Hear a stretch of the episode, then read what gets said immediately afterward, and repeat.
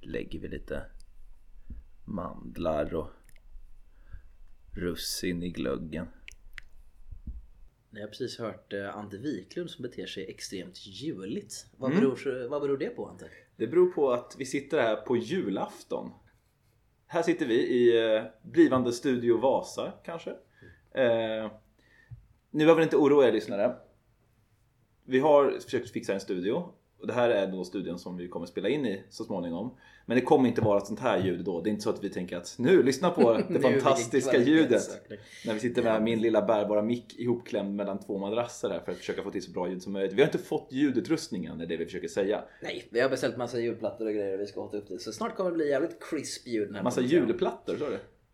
Ljudplattor ja. Jaha. Men. Du sa julplattor. Men jag hör att ditt, eh, ditt mind är all about jul. Vi går vidare till nästa punkt. Ja, han ja. hällde upp lite glögg här för det är alltså julavsnittet idag som spelas in ja. i den ofärdigbyggda Studio Vasa som vi föreslog att kalla det. Precis. Och jag har med mig eh, varm glögg. Du hade med dig hembakade lussekatter. Mm. Så jag har med mig pepparkakor också. Så vi sitter här och verkligen julmyser den här Kan vi tacka min juldagen. mor för också. Shoutout till mamma. Ja, Härligt. Ja, ja hur, hur, blir din jul i år Anders? Hur kommer du fira julafton idag? Eh, eh, som är idag? Jag kommer fira jul eh, med min bror och mina brorsöner och mina brorsöners mor. Nu lät det som att min bror var skild från sin hans sambo då också. Så de har ett jättelyckligt förhållande så det oroar mm. inte.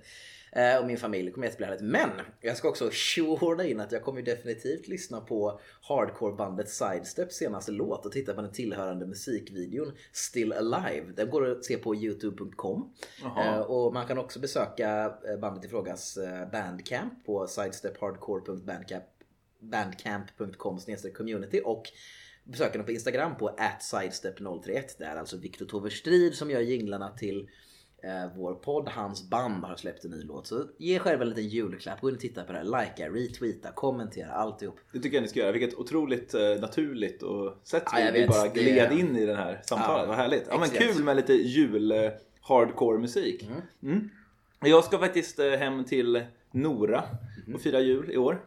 Eh, med min mormor och, och min tjej och mamma kommer nog vara där också och sånt. Mm. Det ska bli härligt. Det var första gången på fem år som jag firar julafton med med min familj faktiskt. Jag föreställer mig att när du återvänder till Nora nu för tiden har du en helt förändrad bild och kommer dit och har någon där vill bara resa upp bergsmännen varje gång du är mm. där och du blir extremt så här upprorisk och för att du är så true till din hembygd så att du beter dig på ett sätt som ingen där förstår vad du håller på med. Precis, det är som där eh, sån här som någon som är från en, en viss kultur men inte är uppvuxen i den kulturen kommer mm. till den kulturen senare och beter sig så som den känner sig. Man beter sig på film och sådana saker och så känner de inte alls och då blir man bara mycket, mycket mer utlänning än om man var om man bara hade varit en, en vanlig svenne liksom. Ja. Gud vad det här känns som en väldigt konstig jämförelse nu när jag, inte, jag, jag, jag preciserar vi... inte mer. Men... Nej, jag tycker det är bra. Vi pratar om eh, poddens favoritämnen. Jul, mm. bergsmän och invandrare. Ja, precis. Ja.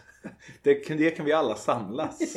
ja, hur roliga de är, invandrarna. Men det är då tredje året i rad, det känns helt sjukt egentligen att det är tredje året nu som vi kör en julspecial mm. för Kungpodden. Tredje året och vi har inte ens kommit förbi Gustav Vasa än. Nej jag trodde efter första avsnittet när vi gick ut hårt med Jesus att vi skulle mm. lite ha slut på material sen. Men mm. vi har mjölkat bibeln på ett tredje avsnitt. Mm. Vi ska nämligen idag prata om de tre vise männen.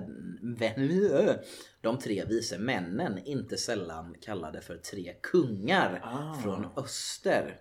Men var de kungar? Mjam jo mje. Vi ska se. Det är lite avsnitt som kommer handla om att reda ut eh, det här. Vi kommer huvudsakligen basera oss på då Matteus evangeliet som mm. är den enda mm. delen av bibeln som nämner de tre vise männen.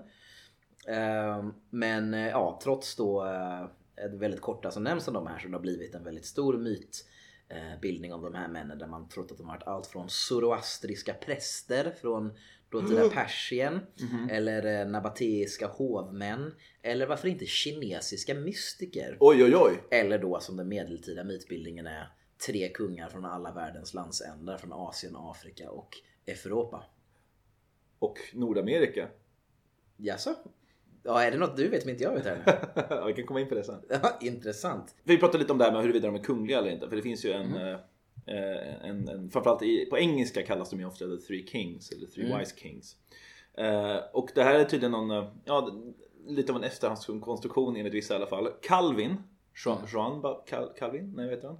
Jean Calvin. Vem, bra, vem, är, vem är Calvin? Han den här Cal, Calvinisten. Jaha, okej, okay, Calvinist Calvin. Nej, Ja. jag vet inte vad han heter mer än Calvin. Men jag vet Calvinist Calvin. Ja. Jag hittade ett bra citat om honom, från honom om just de tre vise männen som jag tänker att vi kan jag kan dra igenom det lite snabbt. Det här är fritt översatt av mig själv från engelska. För jag bara på Calvinisterna är då alltså en protestantisk inriktning ska sägas. Just det, just det. Ja, så kanske man ska säga. Och eh, Calvin då, eh, han skriver så här om folk som tror att de tre vise männen var kungar och att de var tre stycken. Eftersom evangelierna inte anger vad deras antal var är det bättre att förbli ovetandes om den saken än att med säkerhet bekräfta det som är tveksamt. Baptister har blivit förledda till ett barnsligt misstag att anta att de har tre till antalet eftersom Matteus säger att de förde guld, rökelse och myrra. Men historikern säger att det inte var var och en av dem som bar på de separata eh, presenterna då, utan de, han säger snarare att dessa tre gåvor gavs av dem gemensamt. Den uråldriga författaren, vem han än var, vars ofullkomliga kommentar till Matteus bär namnet Chrysostomos, säger att de var 14. Detta har lika liten sannolikhet som det andra. Det kan ha kommit från en tradition från förfäderna, men har ingen solid grund. Men det löjligaste påhittet av papisterna i detta ämne är att dessa män var kungar, eftersom de i ett annat avsnitt fann en förutsägelse att kungarna av Tarsis, öarna och Saba skulle ge gåvor till Herren. Sannerligen geniala författare som, för att presentera dessa män i en ny skepnad, har börjat med att vända världen från en sida till en annan, för de förvandlat söder och väster till öster. Bortom allt tvivel har de fördummats av en rättfärdig dom från Gud så att alla kan skratta åt den grova okunnighet hos dem i syftet att förfalska har skruvat på och förvandlat Guds sanning till en lögn. Det här var ett hår... But this quote goes hard, verkligen. Det var bra, hårt citat där. Jag är också lite kluven för jag känner att å ena sidan så är jag ju... Jag känner att den här podden mer och mer börjar ta ställning mot papisterna och Mm. för liksom hård protestantism. Men han underminerar också grunden för hela vårt avsnitt här. Det är ju inte- det som är problemet där. Att jag tänkte att vår take skulle kunna landa i de var kungar därför får jag ett avsnitt om det här. Mm. Eh, Men han har ju lite förstört vårt avsnitt då så vad ska man... Men det är bara upp till oss att motbevisa Calvin här. Ja eller att ena fejdande faktioner kanske. Mm, mm. Dra upp det på något sätt. Då tycker jag vi köker oss på det då. Det tycker jag med. Jag honom såg en gång. En härlig konung. Tag honom ett för allt. Han var en man. Hans likes väl till skådan. Coming to King, be- be- best not miss. Tyst! Jag ser på TV! Ho, ho, ho, ho.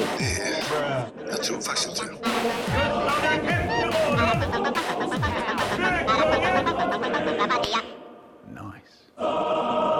När nu Jesus var född i Betlehem i Judeen på konung Herodes tid, då kommo vise män från Österns länder till Jerusalem och sade Var är den nyfödde judakonungen?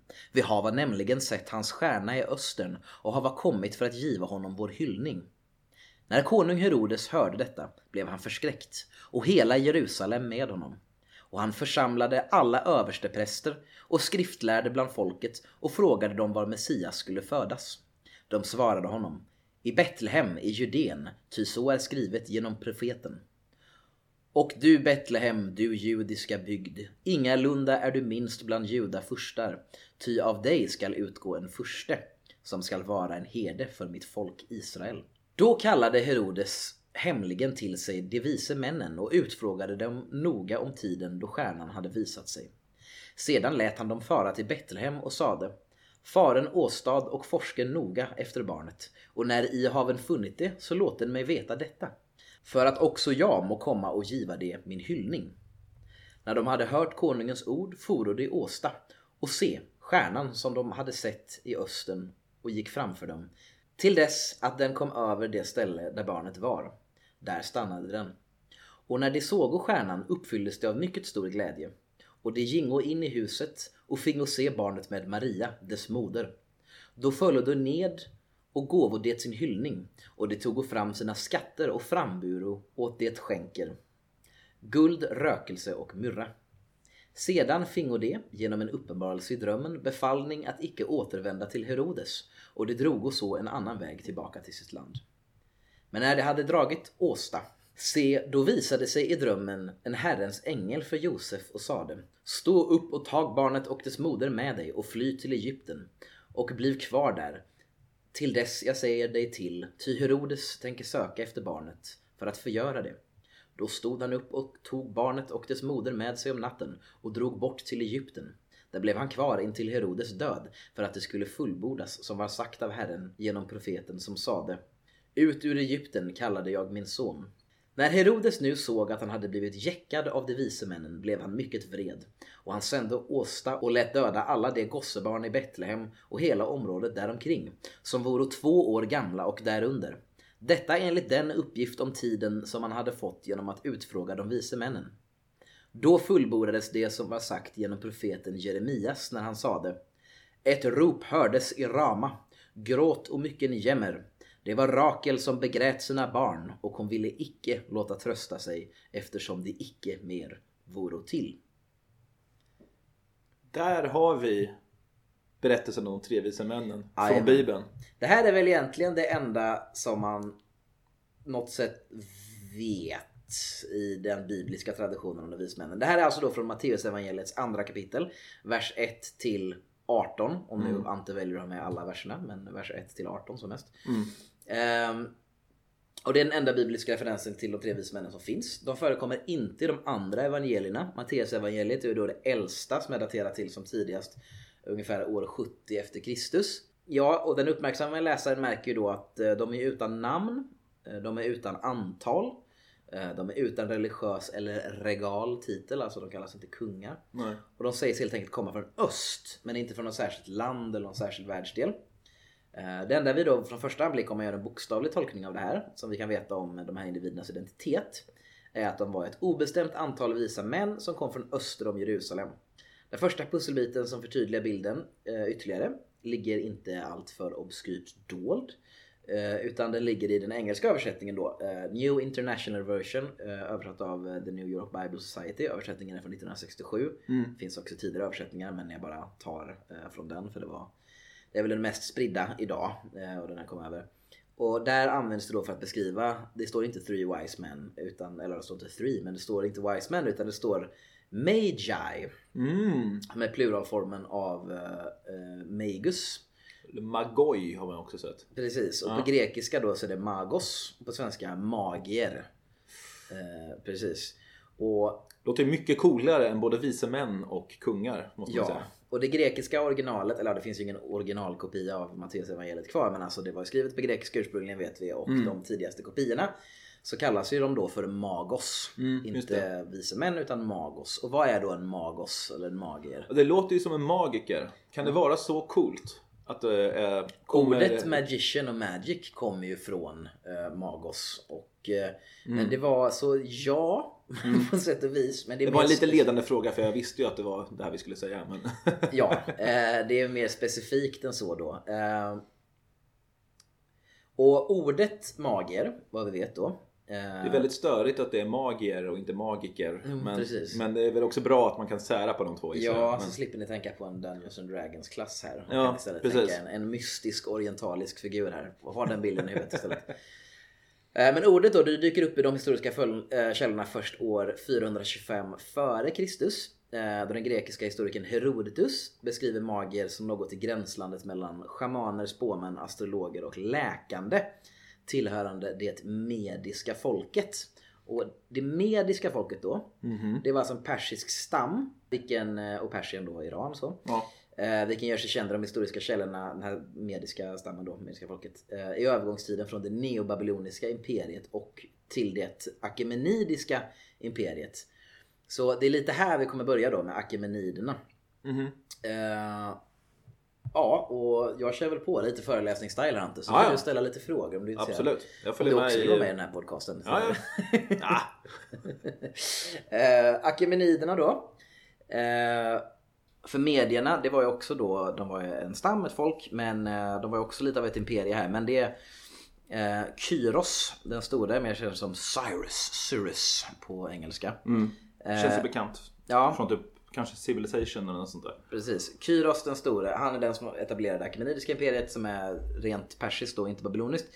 Eh, babylonskt. Han eh, besegrar medierna och han besegrar eh, Akemeniderna eh, och eh, får in då, ja, assimilerar väldigt mycket av Akemenidernas, eh, eh, ja, väldigt mycket av mediernas kultur. Bland annat då det här Magos-konceptet, det här Magos-kastet. De här konstiga shaman-vetenskapsmännen typ. Här. Precis, Vilka- och de är, de vilka- är ännu inte kopplade till, jag tänkte att du hade varit på väg, de är ännu inte kopplade till den zoroastriska religionen när de dyker upp. Utan Det- de uppstår som ett prästkast innan det liksom. Just det, och vilken tid är vi nu då i ungefär? Ja, eh, Achaemeniderna då, eh, Kyro- Kyros etablerade det Achaemenidiska imperiet och Kyros dör 530 före Kristus. Okej. Mm. Eh, och, men när han då etablerar riket då, eh, vilket är ännu tidigare på längre bak på 500-talet. Eh, så etablerar, eh, när han etablerar och expanderar sitt rike, eh, det är då som profeten Zoroaster verkar. Ibland kallad Zarathustra eller Tustra. Zarathustra. Ja, Zarathustra tror Han talade.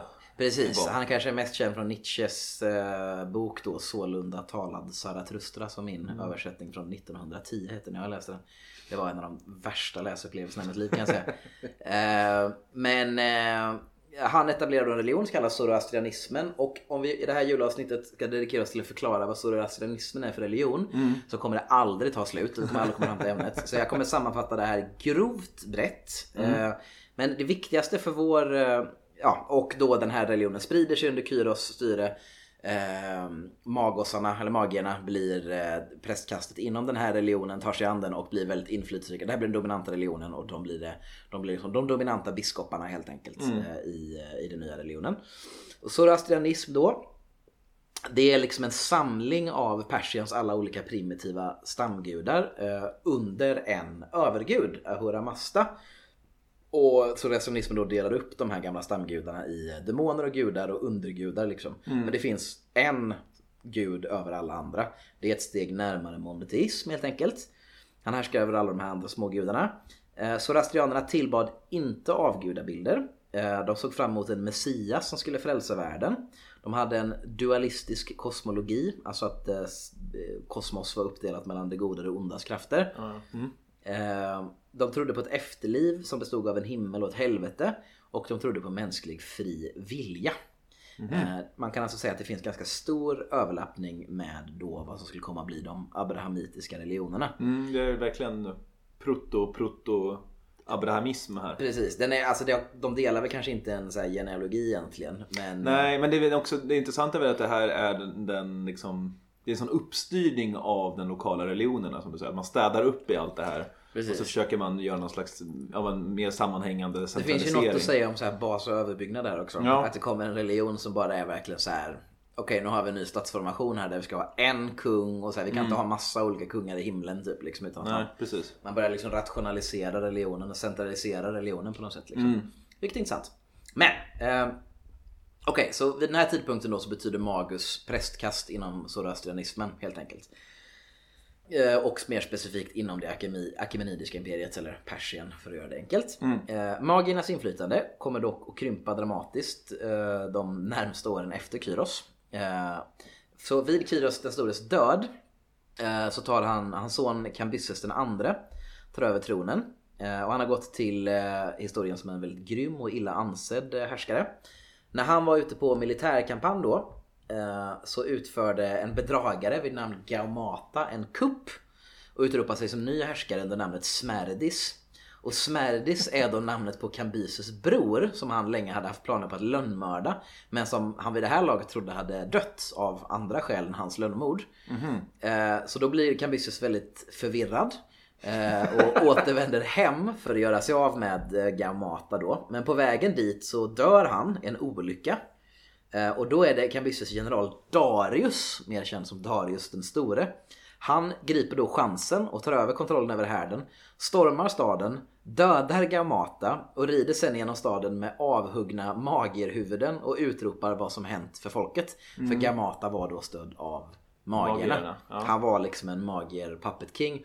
Och vi kommer komma in djupare på det sen men det är ganska bra att tänka på magierna som riksrådet. Ja. Alltså det här är, det är högad, den andliga högadeln liksom. Ehm, det här leder då till en... När han rider runt på de här huvudena inom staden så börjar en väldigt spontan lynchning av magier i staden. Eh, Alla ballar ur. Den här lynchningen var så pass stor så att det blev alltså uppkomsten till en årlig festival kallad Magofonia. Vilket översätts till dödandet av magier kallas den här festivalen.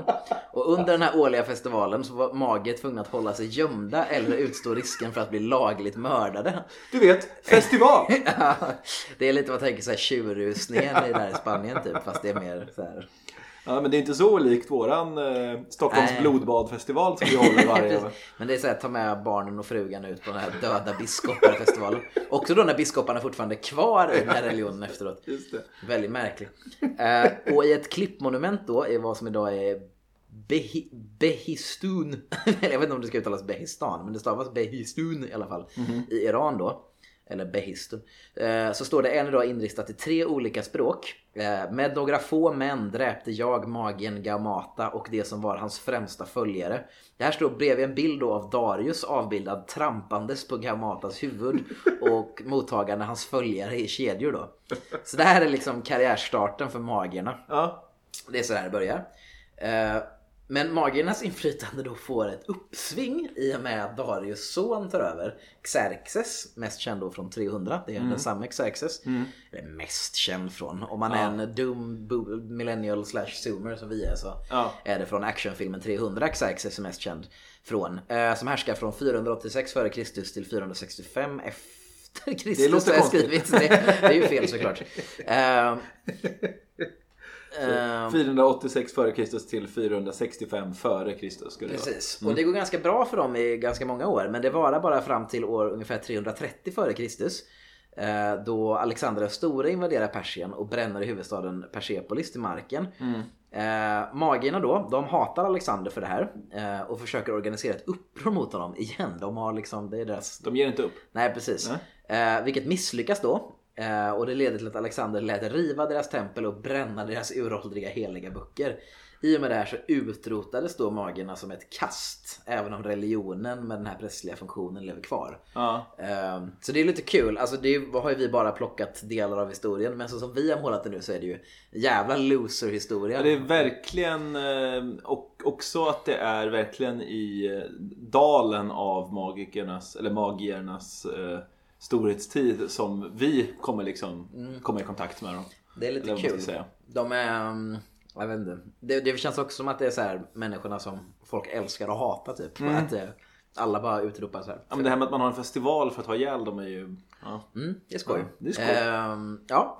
Efter Alexanders död då så styrs Persien av massa efterföljare eh, till det börjar falla isär. Och eh, det när det börjar falla isär då så kommer det nomadiska stamfolket partierna under den första hälften av 200-talet före Mm. Kristus.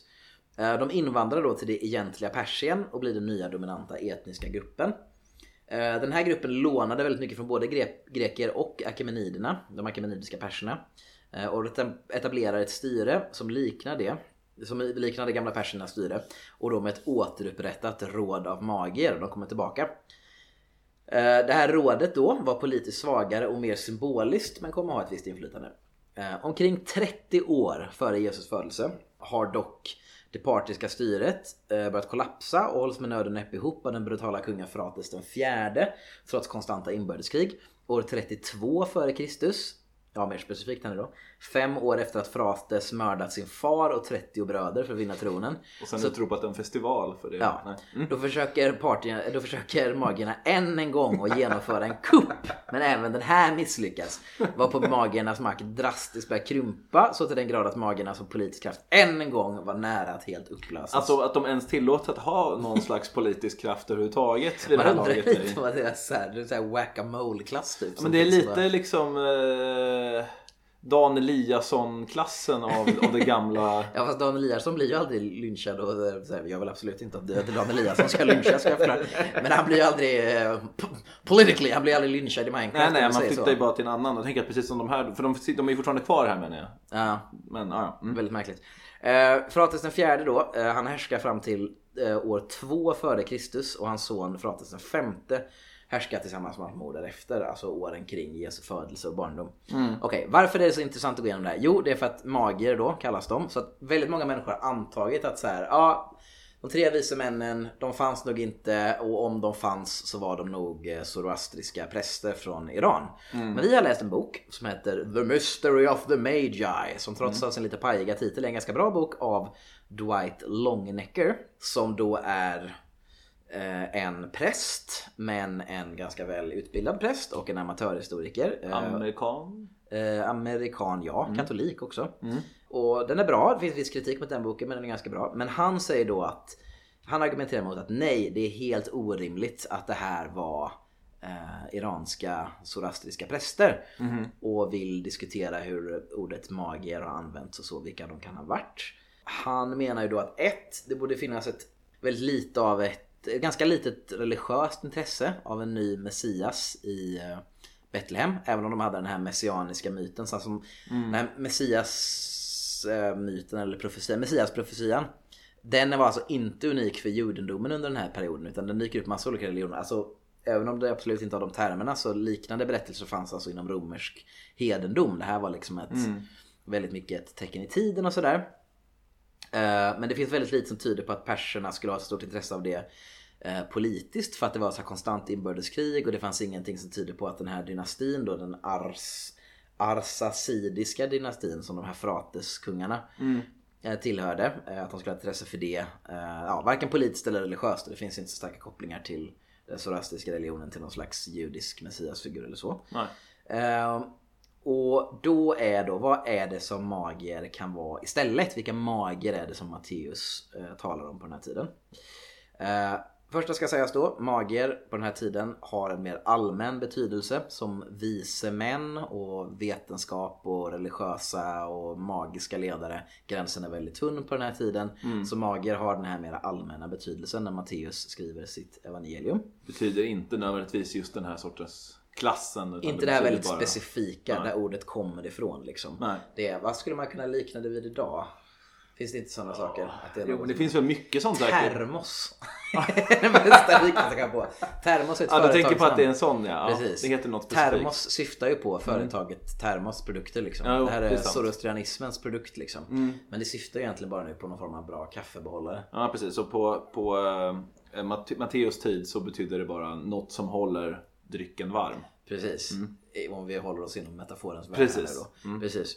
Ehm, och, mm. Men vilka var då de här magierna som nämns i evangeliet? Svaret finner vi i vad som idag är södra Jordanien. I den uråldriga staden Petra. Eh, Och det är den stora skattkammaren i Petra, kanske folk känner till, karvad ur en rödbrun klippa. Eh, För många är den kanske känd som eh, ja, platsen för slutscenen i Indiana Jones och det sista korståget. Eh, här kallas den inte, här säger man inte att det är skattkammaren i Petra utan det är något egenpåhittat för den här filmen tror jag. Men det är alltså där de upptäcker graalen då, Indiana Jones och Sean Connery som spelar hans pappa i den här filmen. Eh, spännande, spännande. Eh, men den verkliga skattkammaren då, den innehåller kanske inte den heliga graalen. Men den innehåller däremot några av den tidens största rikedomar i den kända världen. Eh, det var, den tillhörde ett seminomadiskt folk som kallades för nabateer. Eh, som tiden kring Jesu födelse via akvedukt och kanalsystem började tämja handelslederna från Jemens till Jerusalems kust. Ni får föreställa er det här den arabiska halvön då liksom att de dominerar den här handelsleden genom öknen då. Eh, och i och med att de började göra det här, att de började bygga någon slags infrastruktur för sin handel eh, så började de övergå till ett mer bofast rike. I Petras skattkammare då så lagrar de sina, eh, ja, sina skatter eh, och för sin handel och sådär. Ett stort jävla lager var det helt enkelt. Och här kunde man finna pärlor från, jag har aldrig förstått hur man uttalar det. Jag stötte bara på namnet på det här landet på, i, när jag spelade upp en Charles. Men Bahrain? Bahrain. Bahra- Säger man Bahrain? Bahrain tror jag. Mm. Liten sån gulfstat, liten ö tror jag va? Ja det är det väl, vid kusten där någonstans. Precis. Eh, Men där kunde man då hitta pärlor från Bahrain, bomull, ingefära och kanel från Indien, silke från Kina men inte minst något som de dominerade marknaden av nämligen myrra och rökelse. Men vilka var det som... Var det inte någon som bar med sig myrra? Åh, den eh, observante lyssnaren här alltså. Och rökelse? Ja. Eh, och något vi kommer komma in på sen. Alla handlar med guld. Det går absolut inte att säga att de var dominanta i guld. Men de hade alltså guld från Saba. Vilket alltså har, ligger i Etiopien och sådär. De hade helt enkelt de hade en stor cut av guldhandeln från vad som idag är Etiopien. Och det är det man har spekulerat i skulle varit kung Salomos guldgruvor som nämns i bibeln. Att det skulle varit Etiopien. Men det är en annan fråga. Nabateernas historia är inte helt olikt judarnas historia så som vi fick lära känna den i förra årets julavsnitt när vi gjorde om David och Salomo. Eh, De var nämligen ett eh, nomadiskt semitiskt folk. Eh, Alltså de brukar beskrivas som en sorts araber. Nab- Nabatéerna nu. Precis. Ja. Även alltså, de tidiga judarna kan man fråga sig vad den relevanta skillnaden är mellan dem och araber egentligen. Eh, det lät Het, het sak att säga. Ja, det lät mer rasistiskt än vad det. Jag tyck, egentligen är det väldigt antirasistiskt. Det är ju verkligen det. We're all the same. Ja, precis. Men de var då ett eh, nomadiskt semitiskt ökenfolk organiserat i stammar med massa olika stamgudar och utan någon nedskriven historia. Eh, beduinaktiga, lite plundrare, lite handelsmän och så vidare. Eh, Jag beskrev ju judarna som mongoler förra, avsnitt, i förra årets julavsnitt. Just det, just det. Gillar att likna många vid mongolerna. Ja, men det är bra- Atterdag, Djingis khan i Danmark och så vidare. Jo precis, men det är väldigt bra jämförelse. Man, Mm. man får en bra känsla för vad man menar. Man ser de här stepparna och massor med folk som rider. Känslan är vad man är ute efter. Mongoler fast på kameler. Det är det här, liksom. Precis. Ja, precis. Ja, men lika plötsligt som judarna eh, dyker de också då upp, upp i historien som en bestående och distinkt kultur. Det sker väldigt plötsligt med judarna egentligen. De rider in och tar över Israel och bara plötsligt så är ett helt okänt folk har en skriftlig historia och Mm. kungadöme och sådär. Lite liknande är det med nabatéerna då. Eh, när de under mitten av 500-talet bara dyker upp, eh, före Kristus såklart då. Ja. Eh, och bara etablerar sitt nabateiska rike. Varför var det just nu då helt plötsligt för ett folk som levt helt nomadiskt i århundraden och plötsligt börjar bosätta sig, bygga städer, börja kontrollera vattenflödena, etablera en monarki, en militär och ett handelsimperium på så kort tid. Som på så kort tid då blev en väldigt verklig spelare på världsscenen. Eh, det är svårt att säga då. Det som är skillnaden med judarna är att nabatéerna aldrig går ur den här muntliga historiefasen och börjar med skriftlig historia. Det finns ingen skriftlig Vi historia. har från inga dem. böcker om dem helt enkelt. Precis. Segt. Ehm, Men det vi vet om omständigheterna då är att eh, Nebukadnessers erövring, det är ju ett namn många känner till från Civilization men alltid lika svårt att uttala. Nebukadnesser, eh, Babylonien, när han erövrar Jerusalem 586 f.Kr. så erövrar han snart därefter då delar av Nordarabien och det arabiska Edomitiska riket. Och det man kan säga säkert då är att det blir ju ett stort jävla maktvakuum och det är också den här delen av Nordarabien då som ja, eh, nabatéerna börjar kravla ur sin lilla ökentillvaro och börjar ta över och bygga bofästningar runt och så. Så den, vad ska man säga, push och pull-faktorer, alltså pull-faktorn fanns i alla fall i det. Att det fanns ett stort jävla maktvakuum där, där nabatéerna bara kunde gå in. Ja, ja, ja. Sen och går det så fort de började handla och, eh, och få någon slags mer, mer permanent Ja, alltså maktbas väl- så behövde de inte bara behövde de inte flytta runt lika mycket längre. Nej, alltså de var väl som nomadfolk ofta är. Alltså de är väl folk liksom utstötta till utkanten av större riken och sådär. Men nu så kollapsar det riket. Just och då kan de bara och då är det bara free real estate. Ja, precis. Meet the new boss, same as the old boss. Men åter till edomiterna då, som skapade det här vakuumet när de blev spöade av uh, Nebukadnesser. Edomiterna då, de påstods av dem själva och av judarna att ha ett delat ursprung med judarna. Eh, då de båda var ättlingar till den bibliska patriarken Abraham. Kommer du ihåg honom? Mm. Ja, jag har hört, I've heard of the guy. Fyra söner hade han ju. Just det. Och de åt och drack och så vidare. Ja just det. Eh, men judarna då, de Så gjorde tillhörde... de så här. Nej. Ja, precis. Eh, judarna såg sig då som att de tillhörde Israel eller Jakobs stam. Han kallades ju för både och. Eh, Jakob Ja. blev ju Israel sen. Kan man ju lyssna på i förra julavsnittet om man vill veta mer om. Eh, medan edomiterna då tillhörde Jakobs tvillingbrors Esaus stam. Mhm. Eh, nabatéerna, som är väldigt lika både judarna och edomiterna eh, på många kulturella och religiösa sätt. De har ingen bekräftad koppling till de här stammarna eh, med ursprung hos Abraham. Men det finns olika, det finns bestridda teorier om att de kan ha varit besläktade med Mosebokens eh, barnbarn till eh, Abraham via Ishmael som nämns i Moseboken. Eh, ja, det här var ett väldigt omständigt sätt på att säga. Abraham har ett barn som heter Ishmael som har ett barn som heter Nebaiot. Eller Nebaiot, eller hur man ska uttala det, som nämns i Moseboken. Men det finns teorier om att de skulle ha någon eh, stamkoppling till Nebaiot då, eller åberopat en sådan. Men det är bestritt. Men även om den kopplingen skulle finnas då, så är det tydligt i alla fall att de, har en intim, att de hade en intim språklig och religiös koppling till de abrahamitiska folken, nabatéerna alltså. Eh, även om de här bibliska kopplingarna då kan vara bestridda. Eh, viktigare är också att det i de nabateiska områdena, när de etablerar sitt rike, finns gott om judar. Eh, dels enklaver och kolonier av judar som så tidigt som under kung Josias utrens utrensning av oönskade element i prästkastet i Judea då, vilket sker under tidigt eh, 600-tal före Kristus. Att de under den tiden då etablerade sig i Arabien. Eh, och dels då en massa bönder och allmoge som inte tvångsförflyttats efter Nebukadnessers erövring av Jerusalem. Det är alltså den babyloniska fångenskapen och så. Men som vi också pratade om i förra årets avsnitt så är det att det är ju egentligen bara den judiska eliten som splittras iväg. Och det är troligtvis då mycket av gamla testamentet skrivs.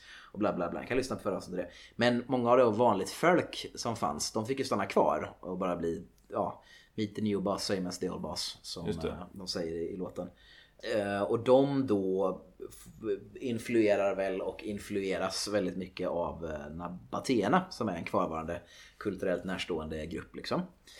Och ehm, ja, det menar i alla fall han Longenecker då, eh, som vi har läst. Eh, av alla de här olika skälen, handelsekonomiska, kulturella, religiösa, så menar Longenecker att nabatéerna lär ha haft ett stort intresse av en nyfödd kung över judarna på ett sätt som de partiska perserna inte lär ha haft. För att perserna är inte alls lika närstående judarna och de, de är inte grannar med Nej, judarna. och religionen är inte... Det finns de här eh, messianiska inslagen i zoroastrianism men alltså de har ingen... Det är ju en ganska inom zoroastrisk grej. Det har inte riktigt något med judarna att göra så. Och, Mm. det är inte heller- kulturellt är de väldigt långt ifrån varandra. Ja, jag tänker att så, det är väl också lite så här känns det som att ja, men, om rom, romarna också väntar på en Messias Mm. så det är ju deras Messias de väntar på. De väntar ju inte på, Precis. på arabernas Messias. Och alltså även persernas handel med Jerusalem. För Jerusalem är ju då liksom en väldigt stor eh, alltså hamnport till Rom liksom. Så Mm. det är väldigt värdefull. Men alltså perserna har nog med egna problem under tiden för Jesu födelse är den stora grejen. Mm. Eh, Att det är konstanta inbördeskrig och de är inte så utåtriktade på det sättet. På ett sätt som inte nabatéerna är. Vi kommer förklara nabatéernas mer politiska intressen av eh, Jerusalem nu. Vi kommer komma in på det nu. Eh, inte nu, först ska vi prata om astrologi. Hur som helst.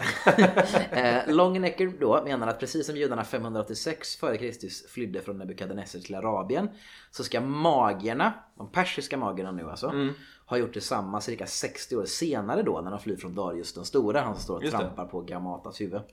Eh, Longernecker menar att eh, det ska finnas romerska samtida källor som talar om iranska magiers närvaro i Arabien ända fram till tiden kring Jesu födelse.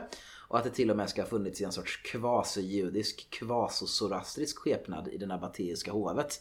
Alltså att magier här då, när de jagas ut så liksom deras zoroastrianism späds ut lite grann och blir som religion var mycket för att det blir de här konstiga mishmash blandningarna. Ja, ja, ja. Och att det finns då källor som talar om magier i den här allmänna meningen som är någon slags konstig blandning mellan judar, zoroastrier och allt möjligt så.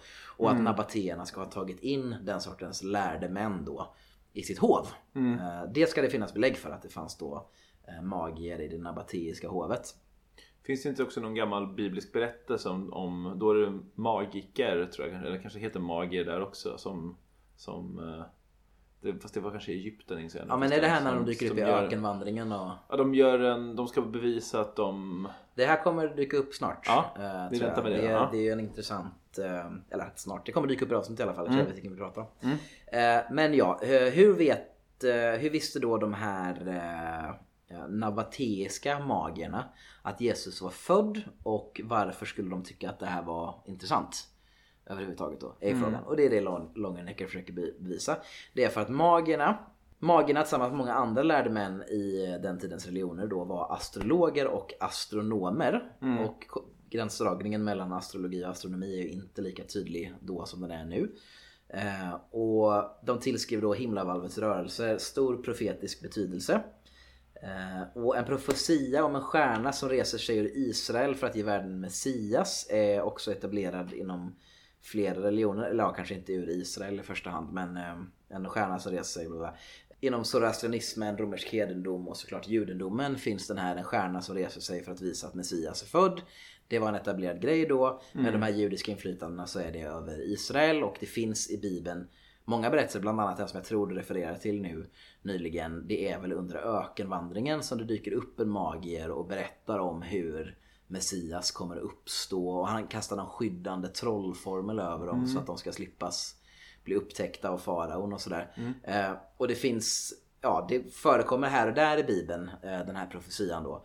Och nabatéerna mer än eh, de partiska perserna eh, borde, ja, borde bry sig om det här helt enkelt. Det här är närmare dem än vad det Precis, det är liksom i deras kulturella religiösa sfär på ett annat sätt. Ehm, ja, nej men jag tänkte vi kan bara gå igenom de här profetiorna lite grann då. I eh, The Book of Numbers, nu kollar jag lite här i Longeneckers bok, så heter den på sifferboken. Vad, vad heter Bibeln? Siff- Heter den inte? Nej, jag vet inte vad Nej, den heter. vi, vi, vi Book of chansar. Numbers, vi, vi låtsas håller inte vara bibelologer här. För Eh, att, för att göra ett tredje poddavsnitt om bibelhistorier så är vi... ja. Ja. ja, alltså vet vi ändå väldigt lite om Bibeln. Jo, verkligen. Ehm, det är då när Moses leder Israeliterna genom öknen. Då är det en eh, icke-judisk siare och shaman vid namn Balam. Eh, vid namn Balam eh, som kommer från öst då, bara kallas han. Eh, han ombeds att kasta en trollformel mot Israeliterna av Balak, kungen av Moab. Men eh, Balam då, han besöks av en ängel och eh, blir då istället övertygad om att göra en tredubbel välsignelse över israeliterna, och säger då till Balak, den här kungen. eh, I see him but not now, I behold him but not near. A star shall come out of Jacob and a scepter shall rise out of Israel. Det här är det kanske är en av de mest centrala profetiorna om då Messias ur Gamla Testamentet. Och det finns då eh, väldigt många forskare då som menar att det finns eh, att Balaam var då en magus. Raymond Brown bland annat, en forskare. Eh, menar att Balaam var en sorts magus från öst då. Som Matteus då konstruerar sin berättelse runt. Då, för det finns ju också den här bakgrundsställningen att Matteus förhåller ju sig till de här profetiorna om magusar och, och sånt och kanske vill då ha den här religiösa betydelsen i att de tre vise männen, eller de vise männen snarare, eh, som man då kallar magusar i den ursprungliga grekiskan. Alltså han kan ju vilja, ja, han kan ju bakåt backtrack, alltså han Jo. kanske skriver om dem. Om man inte hade varit lika kristen som Longenecker skulle man kunna säga att det kanske inte finns några jävla vise män. Nej, men det kan vara så att han försöker hitta stöd för dem och anledningen till att han gör det är ju då de här profetiorna i Gamla Testamentet. Ja, men som Longenecker skriver vidare då att förväntandet av en Messias var vanligt då eh, i den eh, antika världen. Kanske inte alltid ur Israel, men i alla fall en Messias. Eh, en judisk sekt från eh, ja, det första århundradet eh, tolkade då Balams ord som en eh, messianisk profia. profia och de tidiga kristna grupperna eh, såg i det här en aspekt av den zoroastriska religionen som då också såg fram emot eh, en Messias som skulle födas eh, från, ja, zoroastrierna hade då en idé om att det här då kom att de skulle födas ur en jungfru och som skulle resa de eh, döda till liv igen och krossa mörkrets krafter. Så troligtvis då så finns det ett, ett samspel här mellan den tidiga kristendomen och zoroastrierna där de tar många element från zoroastrianismen. Och även romarna då, Suetonius, som låter som Senonius lite grann. Ja, och Tacitus var medvetna om Balams profetia. Eh, och den ja, allmänt brett hållna uppfattningen om att eh, en stor världshärskare skulle födas bland judarna. De kände till alltså judarnas berättelse om det här. Så det var, det, det var den judiska profetian. De var alltså, de kände till den judiska aspekten av det. Ja. Den var också inflytelserik då. Ehm, och de kristna då, de eh, tog stor inspiration från när de läste eh, den romerska poeten Virgil, vad säger man? Virgilius heter han ju på svenska såklart ja. Eh, som skrev det här då, 19 år före Kristus. Now is come the last age of the Cumean prophecy. The great cycle of periods is born anew. Now returns the maid, returns the reign of Saturn, alltså Kronus, eh, guden av rikedom och välstånd. Now from high heaven a new generation comes down. Yet do thou at that boy's birth, in whom the iron race shall begin to cease, and the golden to arise over all the world. Poängen med allt det här är Messiasmyt, väldigt vanlig, väldigt populär i alla de dominanta religionerna. Fokuset på just eh, Israel är såklart då en grej inom judendomen men även den här populära idén om att Messias ska födas i de judiska länderna är känd av alla de andra religionerna. Eh, det här är viktigt att veta. Nabatéerna, det är inte en stretch att tänka att de var med, väl medvetna om det här och att de kanske var, brydde sig om judarnas spin på det lite mer eftersom att de var så, de var typ lite halvjudar själva. Och en annan grej då som Longenecker menar är ju att eh, det är ett väldigt märkvärdigt himlafenomen åren kring, eh, eller året före Jesu födelse. Vilket då, alltså den allmänt eh, vedertagna uppfattningen är att det egentligen är sex år före Kristus eh, som Jesus eh, ska ha fötts. Just det. Eh, Så inte före Kristus i bokstavlig mening. nej, jag menar? Eh, ja, han menar så här då att eh, han, Longenecker baserar sig på en annan forskare då eh, som heter eh, Colin Nichol som är då också en bibel, eh, ja, biblical scholar men som då också är intresserad av eh, astrologi och så. Han menar att eh, Betlehems stjärna var en stor komet som man då har alltså vetenskapligt kunnat bevisa ska ha rört sig eh, över Betlehem eh, under det här året då. Eh, och att det var väl inte bara en eh, komet, och det var en väldigt lång komet. Men att Nicol då är på samma spår som Arkeoastronomerna, alltså, ark, alltså arkeologiska astronomer. Det, undrar vad det är? Okej. Arkoastronomer. Undrar om man översatte det till svenska? Det låter ganska coolt med arkoastrologer. Det låter väldigt coolt. Astronomer. Astronomer. Jag är själv osäker på vilken som är flum och vilken som är astrologi. Ast- vilken som är... låg i eh, flum, Okej. nomi är... Okej, då Good- är nog good eh, stuff. Är, nomi är det. Men de här arkeoastronomerna då, Mark Kidger och Cambridge-forskaren Colin Humphreys eh, menar då att eh, den här kometen eh, är den bästa förklaringen till vad som har hänt men också att det var flera olika ja, eh, vad säger man, himliska, himmelska eh, händelser omkring år 6 före Kristus. Och Humphreys skriver så här då. Eh, It is suggested that a combination of three unusual and significant astronomical events caused the Magi to set off on their journey. First, there was triple conjunction of Saturn and Jupiter in the constellation Pisces in 7 BC. Such an event occurs only every 900 years. Så det är tre planeter som är i... Är två Precis. planeter. Uh, triple conjunction of Sapper, uh, of Saturn and Jupiter in the constellation Pisces. Ja. Nå- Nej, hur som Något helst. skit med planeter som ställer sig på ett sätt. Ja. Uh, second, in 6 BC, there was a mm, there was a massing of three planets, Mars, Saturn, and Jupiter in Pi- Pisces. Such a massing occurs only every 800 years, and very much more infrequently in Pisces. Third, a comet appeared in 5 BC in the east in the constellation uh, Capricornus.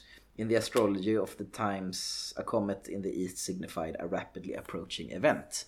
Så det här menar Longenecker. Ni kan så, lyssnarna, jag vet inte så mycket om astronomi, jag vet inte så mycket om andra rätt. Men det här är hans argument i alla fall.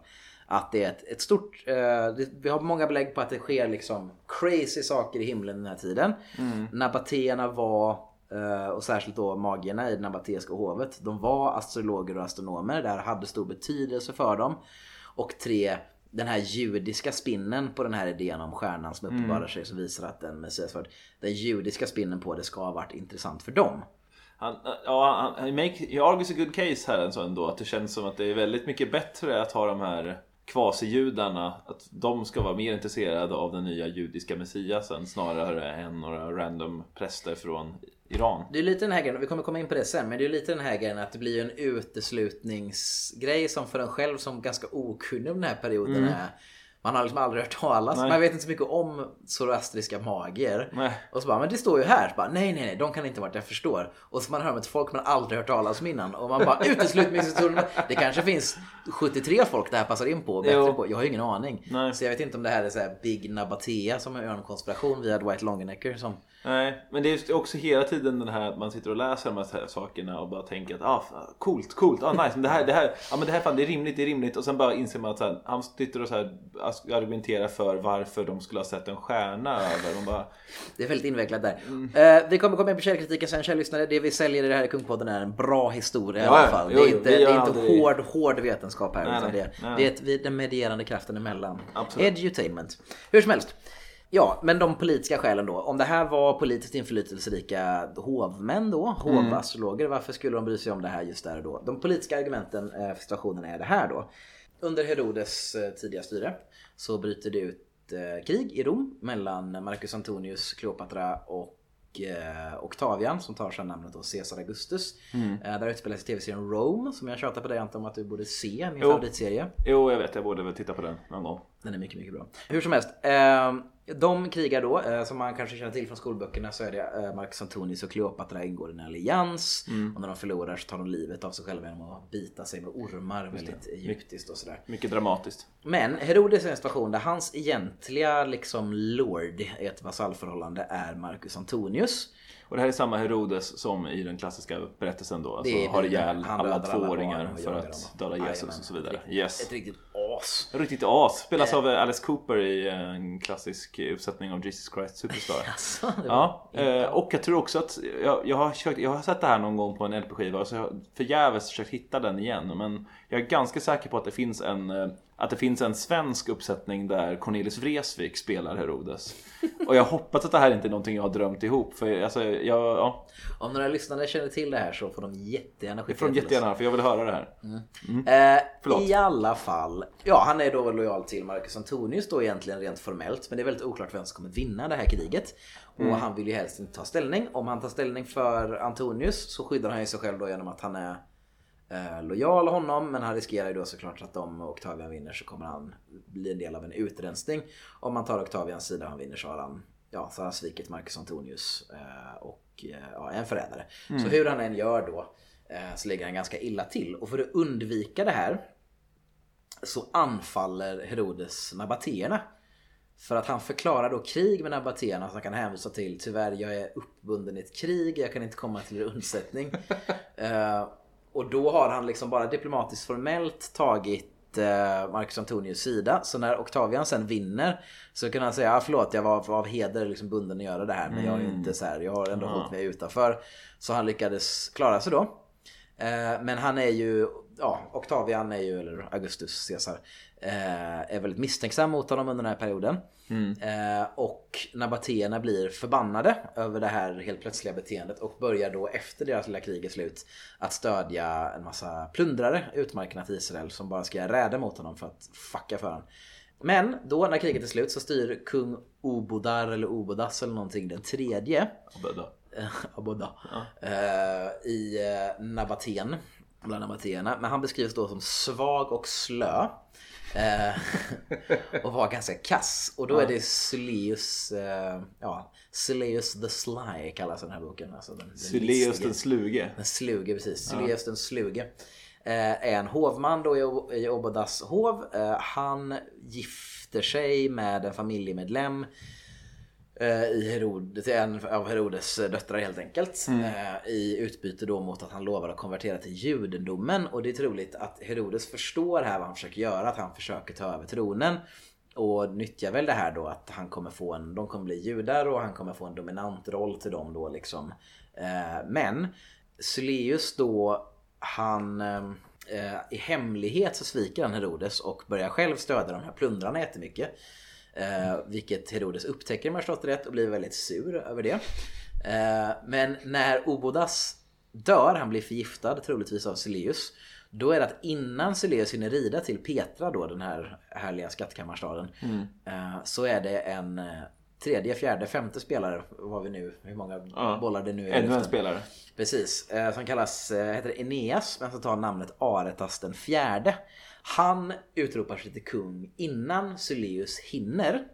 Och en sak som har hänt då är att Herodes, när, han, när Syleus började stödja de här plundrarna och så, så blev eh, Herodes förbannad och eh, anföll, tror jag på något sätt. Han gjorde någon aggression i alla fall mot de här områdena som Syleus kontrollerade.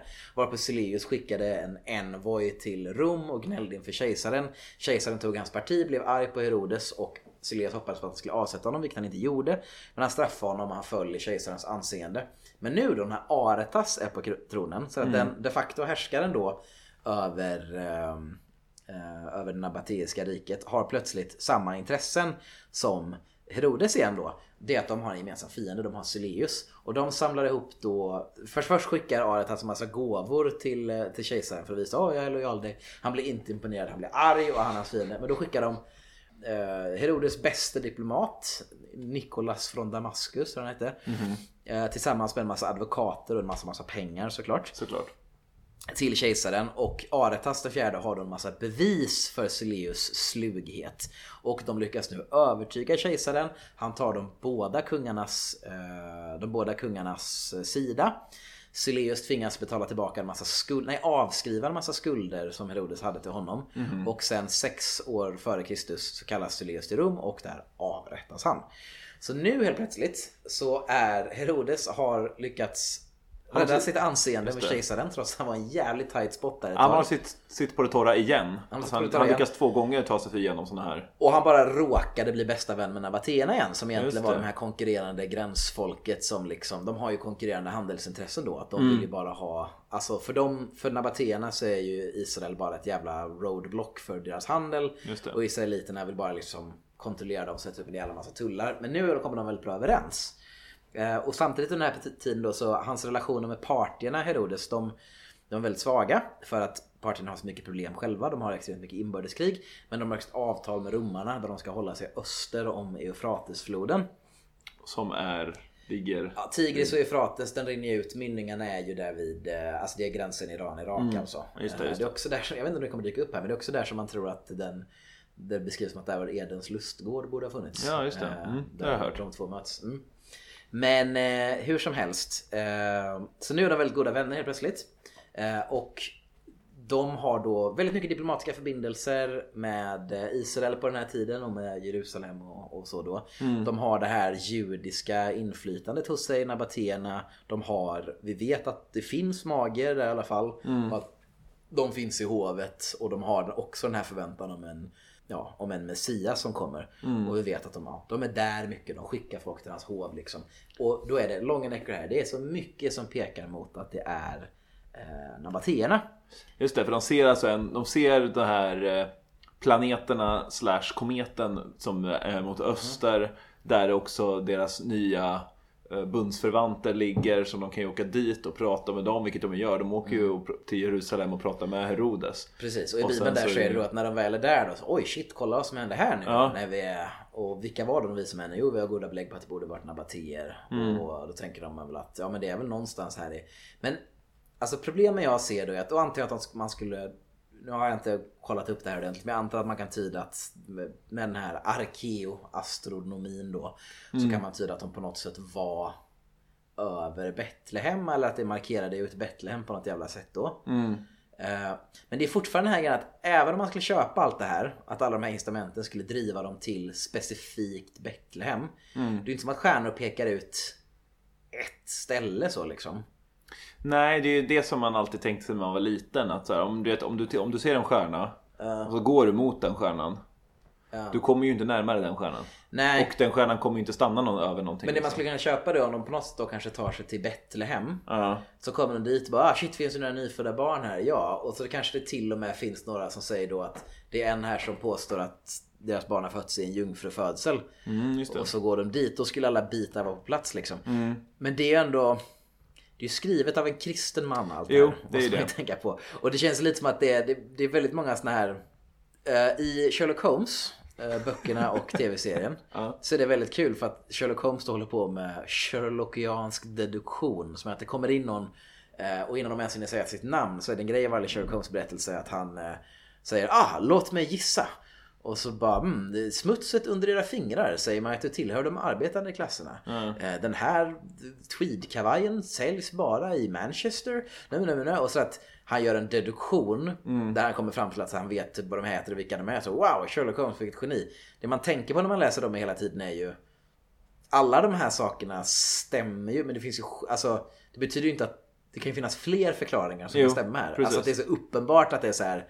Det här är ett jävla massa gissande och Jo, antagande. precis. Och lite den känslan som jag får när jag läser Sherlock Holmes får jag när jag läser Longenecker. Att så här, det här är Mm. bra, att vissa saker, jag köper att det nog inte var iranier. Mm. Jag köper att det nog var. Fast det är också att jag köper, måste, om jag ska köpa att det har hänt överhuvudtaget. Men alltså Det är ju det som är, det är det som är problemet. Att det, är, det svåra är ju att, att man, man blir då och då påmind om att så här, just det, det har ju antagligen inte hänt alls. Nej precis, Så alltså, jag, jag, köper, då- jag köper att Matteus när han säger Magoi syftar på Nabatéer troligtvis. Jo. Liksom. Och att det finns en sån koppling. Men att köpa att de alls, och att det kanske också under den här tiden fanns Sam Magoyer som var på besök, eller Mm. Magier, som var på besök hos eh, Herodes. Men allt det här att de faktiskt liksom var i Betlehem, det är, jag vet inte. nej, precis. Därför ska vi gå vidare till den mest troliga tolkningen. Ja. Att det här var 12 plus kinesiska mystiker. Ni tror jag skämtar? Nej. Nej! Håll kvar så får ni se. Jag åt min gröt och läste Kungpodden. Tog väskan i min hand och kysste Gökungen! Djup låg snön och natten såg mitt spår där på vägen som jag traskat fram i tretton långa år. Så Ante, nu har vi läst någonting. Eh, jag ljög lite förut när jag sa att vi båda hade läst uh, Mystery of the Magi. Det är mest, det är av, mest eh, du som har läst uh, Långa Näcker kan man säga. Precis, men någonting vi båda har läst det är eh, The Revelation of the Magi av Ja, eh, av är ju intressant att diskutera, Ja. men med eh, inledning eh, eller översättning. och, och översättning och sammanfattning av eh, Brent Landau som är en forskare då. Eh, sen finns det en bok som heter The Revelation of the Magi, men alltså det är det äldsta bevarade originalet, originalmanuskriptet som nämner de vise männen. Och de inte bara nämner dem utan det handlar ju Eh. Precis, uteslutande och om den dem. påstår sig, texten påstår sig vara skriven av dem själva. Ja. Och den här är från ungefär 100 år efter Kristus. Tänk nu på att Matteus evangeliet är från ungefär 70 efter Kristus som tidigast, är det daterat till. Mm. Ja. Det är skrivet på, eh, alltså, jag tror man säger syriakiska fortfarande. Ja, jag det är, tror det. Men jag, det är samma som Syrianska kyrkan. Okej. mm. Eh, of the East. Eh, och eh, den här då påstår att de vise männen var 12 eller fler Mm. vise män från the distant land of Shir, vilket alltså var den tidens namn på Kina. Eh, så att det var och de var då mystiker som bodde uppe på ett berg där en dag Gud plötsligt uppenbarar sig och alla får se massa olika bilder av Gud. Skildringen av det kommer jag gå in på sen. Väldigt rolig. Ja. Och de här kineserna då, och en gud blir typ en stjärna.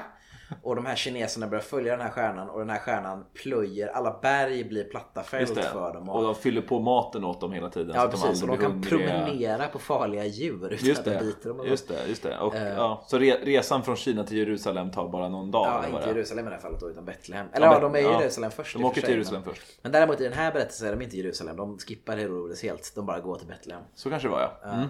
Men eh, då är det att de, eh, stjärnan då åker in i den här grottan eh, Mm. där Jesus ska ligga. Inte ett stall då utan en grotta i den här berättelsen. Mm. Och stjärnan blir då ett barn av ljus. Vilket då är Jesus som han inte kallas i den här texten. Men, Mm. Nej, han kallas ju aldrig för Jesus. Men de ser ju, de ser ju det här stjärnbarnet flera gånger. En gång hemma i Kina Mhm. och en gång i, i Betlehem då. Ja. Mm. Och sen så återvänder de hem men så, så snack, Jag tror att Matteus typ får tag på dem i den här berättelsen och så blir de så glada över Ja, vad men- som har hänt. Och... Ja, han, det finns ju någon, någon del som är ett slutdel som, som då, eh, vad heter han, Langenau? Ah, Landau. Landau, förlåt. Landau argumenterar för att det här antagligen lagts till mycket, mycket senare. Men där, där eh, Matteus... Eller är det Nej, Matteus? Nej, Nej, Thomas. det är en, Thomas är det. Ja, Thomas. Thomas är det, förlåt. Där Thomas bara dyker upp där plötsligt. Och det är så helt annorlunda skrivet och ingenting så här. Det, är liksom bara en fanfic eh, edit av det. Där, där de blir döpta och grejer. Men nu, nu, nu hoppar vi kanske händelsen i förväg Ja, jag vill säga en sak lite sammanfattande. För en Mm. grej med den här berättelsen då är att de, att de är söner till Set. Ja. Alla de här. Och Set är då Adams tredje barn efter Kain och Abel. Yes. Och det är väldigt trevligt det bästa med det här med att det var när Adam vid något tillfälle då sätter sig ner och pratar med Set och bara ah, skulle aldrig ätit det där äpplet. Ja, det var så jävla dumt. Och så börjar han prata om en Messias och bla bla och så ska tas En lång berättelse som Seth då skriver, skriver ner. Ja, och Sets barn då ska då vara magerna eller de 12 plus vice kinesmännen. Precis. Eh, och de har skrivit ner det här av den här boken och kommer med den till Jesus. Men alltså den här texten är skriven i en gnostisk tradition. Gnostikerna var, de var väl huvudsakligen kristna men det var mycket så här judisk mysticism och lite allt möjligt. Och det var verkligen en sekt, det var inte en missionerande religion, de var inåtvända. Det var några få utvalda som hade förstått det här himmelska budskapet. Eh, och de, det var alltså medvetet mystiskt uteslutande. Det skulle vara konstigt och svårt att förstå. Så Ja. Du skulle förstå den här mystiska kunskapen för att nå det är nästan som österländska religioner, alltså Ja. någon slags nirvana, upplysande och sådär. Och det är mycket det här med att man, man flyr sin egen kropp då i gnosticism, att man, det finns liksom en inåtvänd eh, visdom som finns i din själ istället för att du får visdom via frälsa andra och utåt missionera och så. Bla bla bla. Det är gnosticismen. Så därför kan man kritisera den. Gnosticism, flum, trams eller äh. I say äh. Eh, jag tror att det här är den korrekta tolkningen och att det finns bara de här, att gnostikerna hade rätt och att det här är bara vidriga revisionister som försöker bortförklara det här. Äldsta bevarade källan som nämner männen överhuvudtaget, alltså där originalet finns kvar. De vise männen. Precis.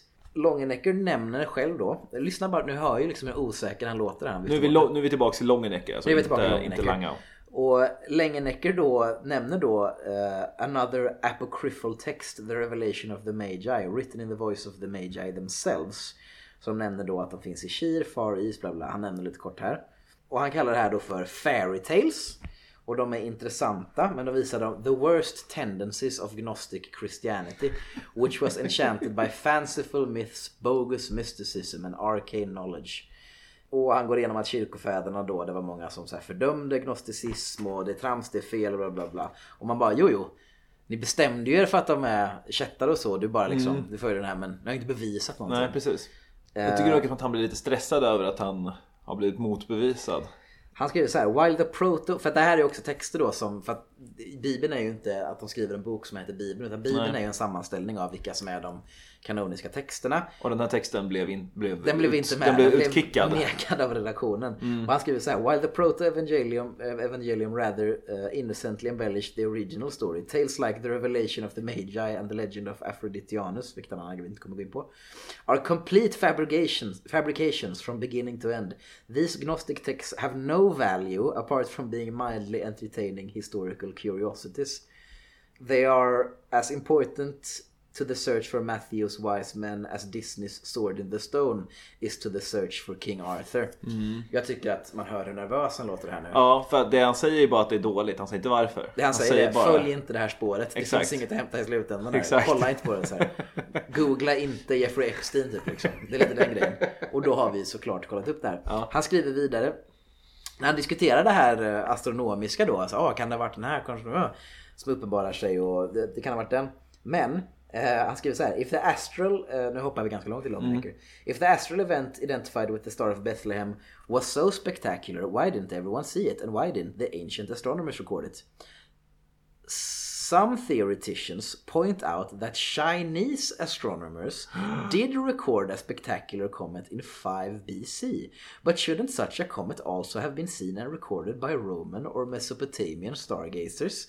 Det är nästan som att man måste ha haft typ en, en mystisk kunskap och tillhörde en religion så tror jag att de enda som hade den kunskapen var de som kunde se det do, Inte dolda bara en tecken religion, från Gud man skulle ha tillhört en ett direkt från set. Där Ja. bara man själv kunde se stjärnan. För Om det, det bara fanns något sånt, nej det gör väl Nej. inte det, då kan vi släppa det spåret med den stjärnan. Äh! Långnecker, we're on to you! Vi avslöjar den jäveln. Och det sista han nämner då, Långnecker, den här vidriga revisionisten är The Gnostics, no, nu är han inne på Gnostiken igen här, bashar på de riktiga kristna. Eh, the Gnostics were fascinated by secret lore, arcane traditions and supernatural flights of fancy. The idea that the wise men who traveled to worship the Christ child represented an ancient cult of priestly th- soothsayers suited the Gnostics' obsession with all that was spectacular, supernatural and stupendous.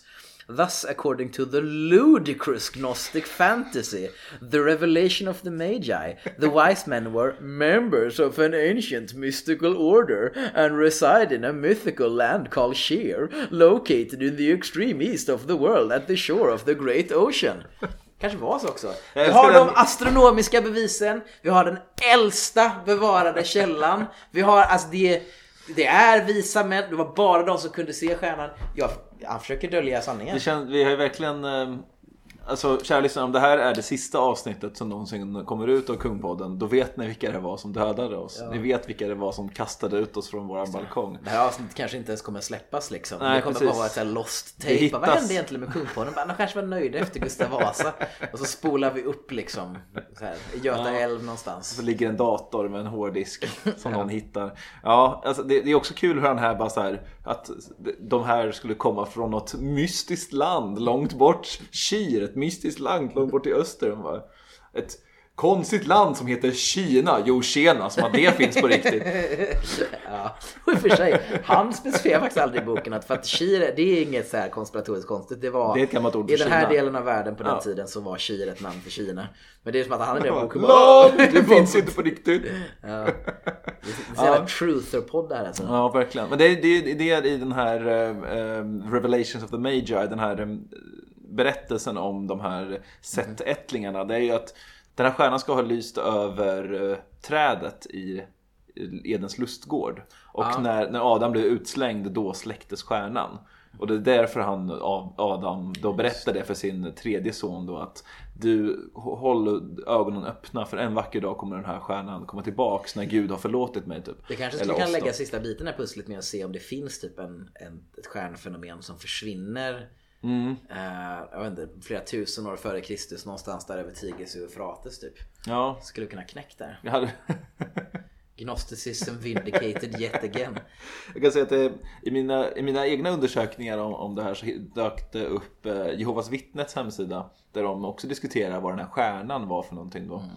Eh, de ställer ju frågan, var det Gud som fick de vise männen att följa Betlehemstjärnan?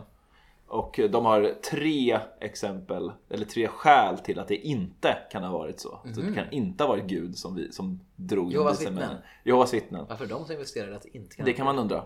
Eh, stjärnan, inom feta citationstecken här, eh, ledde inte astrologerna direkt till Betlehem utan till Jerusalem. Bibeln säger astrologer kom från östern till Jerusalem och sa det, här, det har fötts en kung åt judarna, var är han? Vi såg hans stjärna när vi var i öster och vi var här för att visa honom ära. Så varför skulle Gud ha lett dem till Jerusalem och inte till Betlehem? Frågetecken. Eller, nu är det kul att så här, källan är Jehovas vittne men det kan ju också vara sant. Det kan ju vara jag som missförstod. Alltså att det, det behöver ju inte vara specifikt att det skiner in i en grupp. Alltså jag tror att det, det som händer sen är ju att, det är, är att de pratar med Herodes och sen ser de stjärnan igen och sen tar stjärnan dem till Betlehem. Så att stjärnan tar dem in på Betlehem men det, det, det skiter i... frågan hur de skulle hitta just den historiska Jesus typ. Och varför skulle det vara han och sådär. Mm. Ja just det, sen var det bara att, att Herodes var de som, som tog dem till Betlehem. Varför skulle inte det vara? Det borde Gud ha gjort i så fall. Så att Herodes är inte Gud. Och sen den sista då, min favorit. Stjärnans uppkomst fick händelser att inträffa som hotade Jesus liv och som ledde till att oskyldiga barn mördades. Gud skulle aldrig kunna ligga bakom något så ondskefullt. så det kan ju inte ha varit Gud som var den här stjärnan. Men Det är konstigt tvistargument också. Det, det är ofta får man höra det så här. Varför gör han alla de här hemska? Bara, jo, men han prövar oss typ. Precis. bara det här kunna vara en till prövning?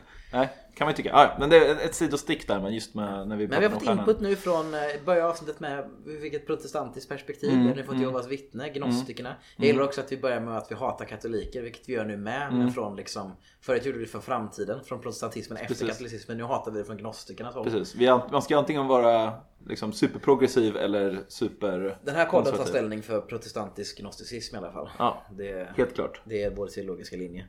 Eh, kineserna. Kineserna, ja alltså det är väl om hur mycket man vill gå igenom berättelsen i sig själv. Eh, ni- ni- you get the gist of it lyssnarna. Men det, det är intressant då, de bor i ett berg i Kina.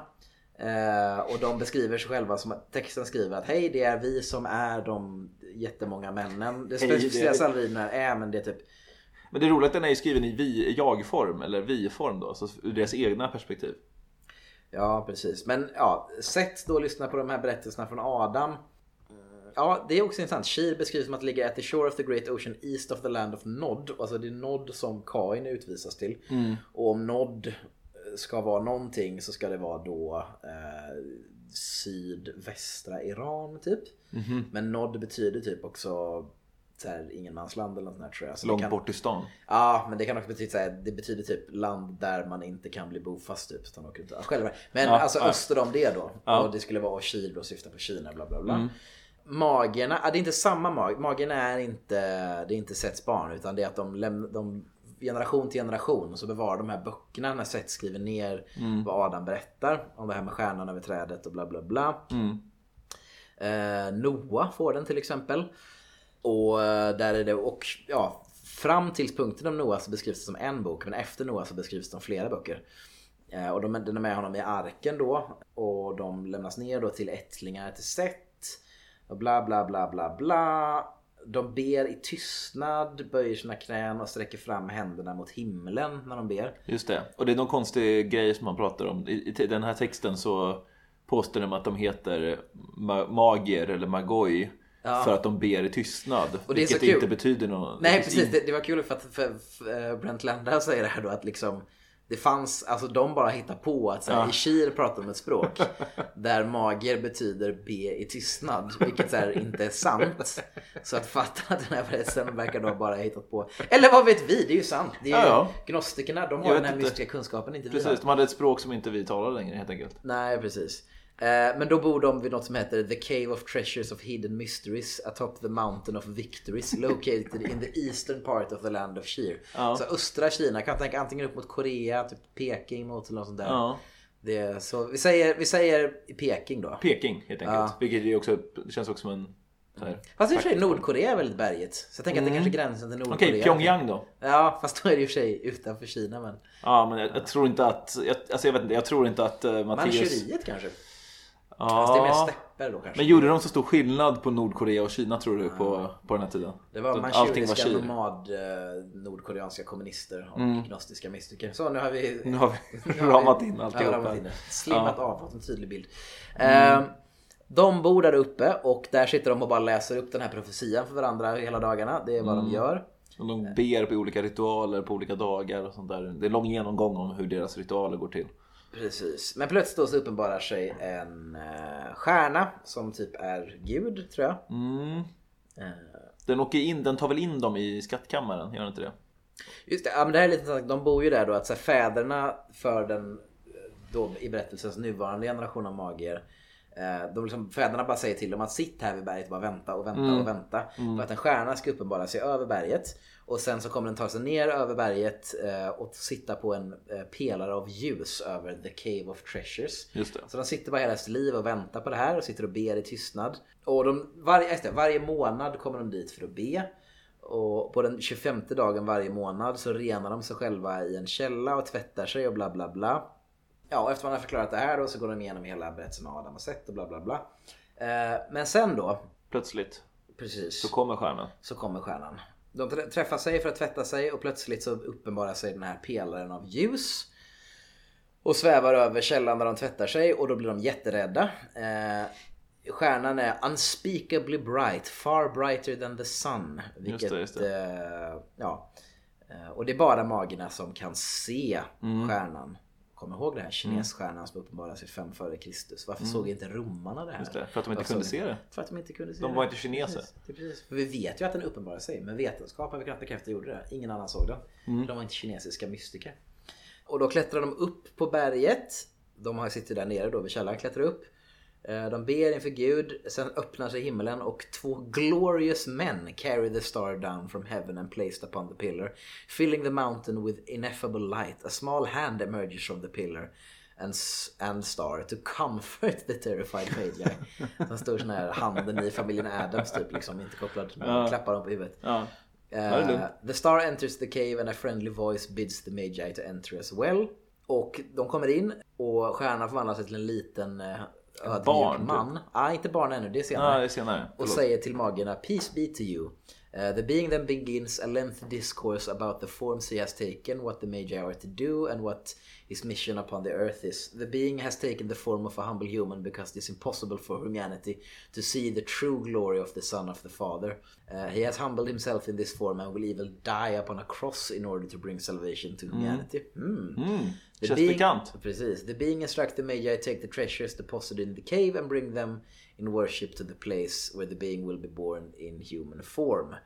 Eh, bla bla bla bla bla. De går över hela världen. De kan börja promenera på krokodiler och grejer. för att Ja, stjärnan och bergen blir platta och Det är grymt. De kommer stjärnan fram... löser allt. Eller då först dyker de upp i Jerusalem då. Och eh, där kan de som bor i Jerusalem inte se stjärnan. Mm. Och missförstår vilken religion magierna tillber. Magianism anklagas de för. Men de åkte till Jerusalem då, jag hade för mig det. Ja. Ja. Mm. Eh, Just det, just det. Det är där, där som de börjar bli... Och här försöker de någon slags konstig förklaring till varför ingen annan har sagt att de är kineser. Precis, och Herodes som är här då, eh, han, eh, de berättar om den här profetian varpå Herodes tänker hmm och samlar ihop the elders of the city och frågar var Messias Och frälsaren kommer födas. Och då säger de att det kommer vara i Betlehem. Och då, så fort de får höra det kommer vara i Betlehem.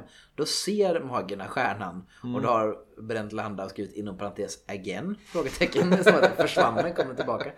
Eh, blir rejoice great- greatly. Hey! Och börjar resa mot Betlehem. Men det är bara de som ser den antar jag. Just det, ja. Och eh, the Magi remarked that the foolish scribes fail to believe what is written in their own sacred writing. så de judiska prästerna då är bara, nej men det, det, det är väl ingen stjärna eller? Fools! Vi kinesmagiker vet nog vad som gäller. Fattar, det är era texter och ni kan inte ens fatta dem själva. Pinsamt. Eh, och stjärnan säger till dem att ja, trots att Herodes bara kommer tillbaka så gör inte det. Just det. De kommer till Betlehem och den här pelaren kommer ner igen framför den här grott, en grotta som de hittar då i Betlehem. Den åker in eh, och änglar descends upon the pillar. Änglarna, eh, the star angels and pillar enter the cave. Och en röst säger till magerna Come on in. Eh, De gör det och placerar en krona under det här ett barn av ljus då som finns där inne. Just det. Den lägger över hans fötter, knäböjer och ber framför honom och ger honom massa skatter. Specificerat inte att det är guld, myrra, rökelse i den här Nej. berättelsen. Men Man skrattar i alla fall. Precis. Det finns en rolig genomgång här i, i texten om vad det är de ser också. Alltså att alla säger, den ena säger jag ser ett barn, jag såg ett barn.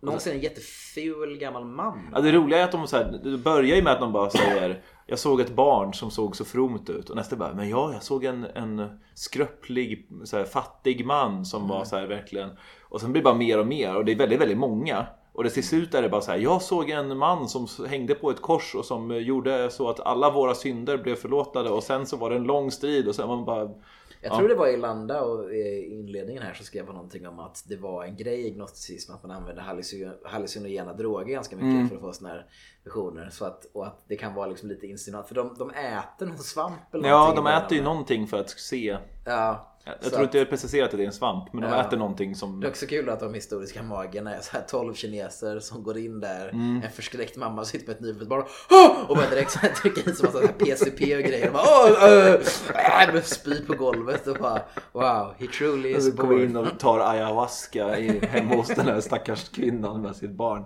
Jag Det är ju sen när de kommer hem igen till Kina och de har med sig maten som, som stjärnan har. För de åker ju hem igen efter det här. Ja. Och det, då är det samma, samma kör en gång till då att, att eh, ja, stjärnan tar bort alla berg och, och de kan promenera över tigrarna och sånt. Ehm, och då har ju stjärnan också fyllt på mat igen. Och när de kommer tillbaka sen och blir träffade av alla, alla familjen som jag antar var kvar där tydligen. De eh, möter upp dem och då får de äta av den här maten som stjärnan har gjort och då kan de också se den här stjärnan och ljuset och, och ja, Kristus som inte är Kristus då utan bara Gud. Då så, då går berättelsen ihop. Ehm, så det är det som är det, det, det hallucinogena inslaget där. Ja. Och där, där tar ju egentligen deras berättelse slut då om man inte räknar med den här extra insatta inlägget Ja, som in... aposteln Thomas kommer in och han döper dem allihopa va? och säger att ja, det var Jesus, det gick jättebra. Han blev jätte... Ja precis, det är verkligen... Han kommer dit och får en up... Han ger dem en update liksom. Eh, Vad, hur, vad som hände och sånt där. Och så blir, blir de helt eh, till sig och han döper dem till slut. Thomas thanks the Son for enduring all the suffering on humanity's behalf despite being... The Magi echo Thomas' praise confessing that the Son's majesty is beyond their ability to describe. Eh, De är jätteglada tillsammans. Och han beordrar dem då att gå ut i världen att predika precis som apostlarna har gjort. Precis. Och det här är den enda delen som också inte är skriven i jag-form tror jag. Allt annat är skrivet ur ur jag-form, eller vi-form då. Eh, Jag funderar på om det här var att de la till den här senare. Att det var typ att så här, de gamla kyrkofäderna kom till gnostikerna och bara Killar, det här kan vi inte ha med. jo, men det är... Det läst, i, Langdau har ju en genomgång av det. Som, Är, är det att de la till det för att de skulle så här alltså i princip, om, är vi, för jag, jag har en... De skickar en bok till publicering och bara Ja men killar det här är knark och alltså det här är vad fan. Har ju inte ens med, ju inte ens med Vad är det, vikt, vad är de det bara, viktigaste? Oh, fine! Sen skriver in det bara, men Thomas, det funkar! Han löste det. Och så blev det ändå refuserat. Ja, alltså Langdau hade någon genomgång om det där, att det här var mycket senare och att det antagligen skrevs för att matcha mer av den moderna eller då moderna bilden av vad kristendomen hade Det är ju blivit. extremt roligt att gnostikerna är så här så far out och gör sin egen så här, eh, går rogue men sen så, så här krockar de med verkligheten. Jo, Alla andra kristna bara klämmer näsbryggan du vet sådär liksom mellan ögonen. och bara, sitter runt bordet, där i redaktionsbordet. Försöka få ihop den här skiten. Kommer Men, de här men, jävla knarkarna hit och vill ha med sina grejer. men det, där är det ju... Vad heter han? Langdau? Landau. Langdau. Han har ju, han han talar i slutdelen här om, om eh, the conclusion i, i diskussionstexten om den här texten då. Om varför den här sista biten ser ut som den gör. Och att det antagligen har att göra med då som du sagt då att man ville uppdatera texten för att vara mer passande till eh, modern, eller då modern kristendom. Så att det skulle funka mer med det här, ja men eh, fokuserade mycket mer på missionsarbetet, alltså att sprida kristendomen. Vilket inte var så intressant tidigare. Och att det också är samma anledning till att man i eh, Mark, Markus, Marks Ja, evangeliet, Markus där har man också lagt till en bit på slutet, att den sista biten är lite annorlunda. För att den innan det slutade så här lite väl abrupt. Och det var liksom inte så här det här att, att Jesus faktiskt, att man såg honom återuppstående. Det var inte med. Och så tänkte man att ja, men vi måste verkligen poängtera att det var inte bara så att de hörde att han levde Nej. igen utan han Nej för levde i mer igen. politiska termer så det är det som ska ha varit problemet med gnostikerna ska man ju ha förstått att Mm. det var liksom eh, ja, motsatsen mellan den missionerande religionen och sektor. Liksom, att de vände sig inåt och de Mm. här mystiker som gick ut i öknen och så var det massa fattiga desperata människor som gick ut och sökte upp dem för de skulle Mm. ha till visdom och skulle de förklara för dem och sådär. Men att liksom Men det är helt omöjligt att bygga en kyrka Ja, runt liksom. Men de faktiska kyrkofäderna där, de måste ju varit så här. Vi försöker bygga en politisk, Ja, här, vi försöker försöker ta göra- över romarriket här liksom. Det är så här, vi kan inte hålla på. Men för- så här har vi alltså de olika idéerna av vilka de tre vise männen var. Det var iranier. Det var nästan judar. Det var judearaber. Vad hette de? Nebu... Nabatéer. Nabatéer. Eller så var det kineser. Och den här kinesstoryn den ledde in mig på den sista, vad de kan ha varit. Ja, Eh, för samma text igen då, Langdau. Han eh, utökar det här med diskussionen om varför den här sista biten behövdes. Och varför det behövdes bli mer fokus på, eh, vad ska man säga, eh, missionsarbetet då. Alltså att sprida kristendomen. Eh, och det är för att alltså, hela den här texten handlar ju väldigt mycket om att Gud, eh, ja, men Gud är överallt. Det är det de säger hela tiden. Att den här stjärnan visar sig upp för... De, de ser den här stjärnan, han kallar sig aldrig för, för Jesus Kristus. Och han säger också i den här texten att ja, men jag har visat mig för många. Det har visats liksom...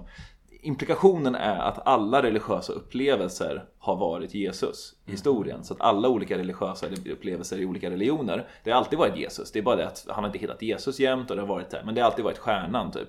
Och då är frågan så här, ja, men om, om, man, om man är överallt och visar sig för alla, även de som inte är kristna, eller vad man ska säga, varför skulle man då behöva kristna missionärer? Eh, och det tänker man, ja men det behöver man för att uh, det ligger till den här delen. Men den, det här tydligen påverkade så till den grad att han säger ju att när spanjorerna kom till Sydamerika ja. så eh, påverkades de tydligen av den här texten på något sätt.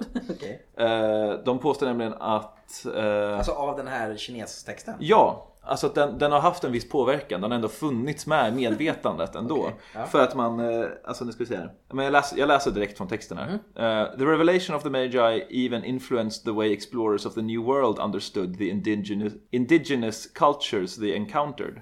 Two examples will suffice.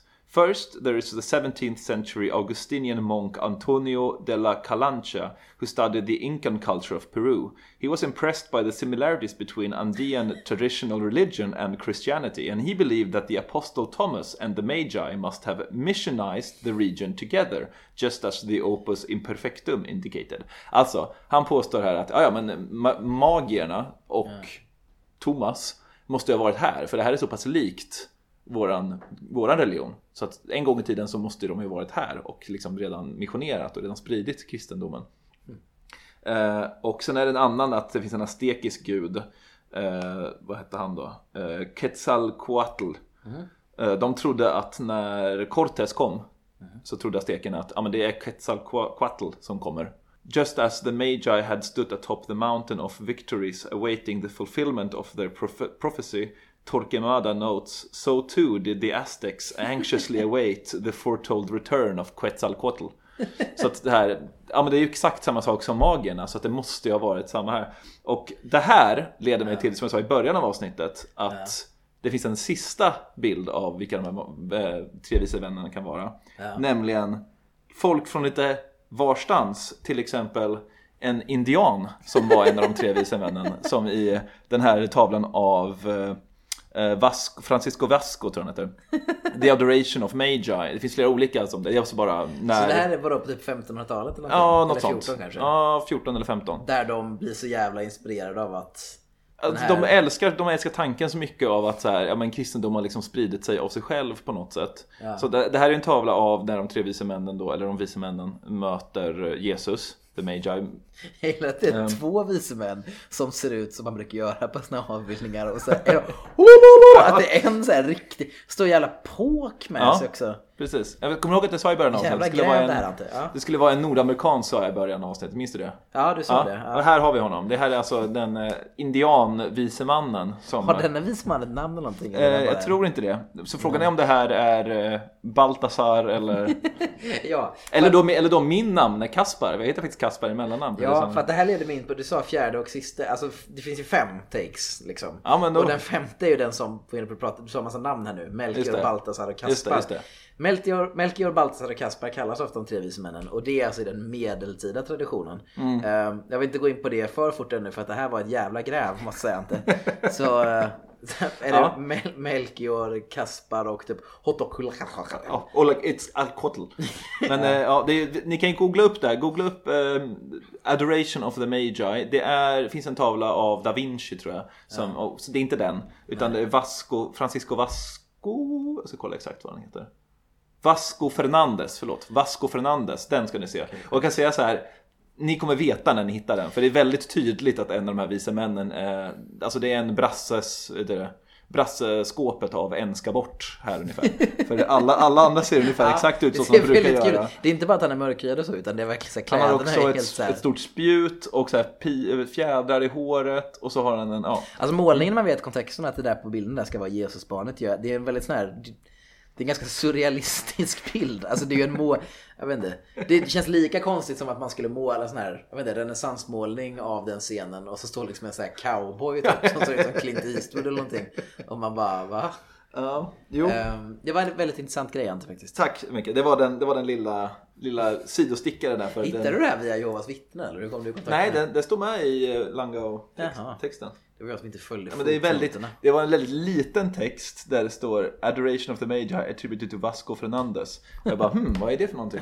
Kollade upp det. Eh, Bra gräv. Ja.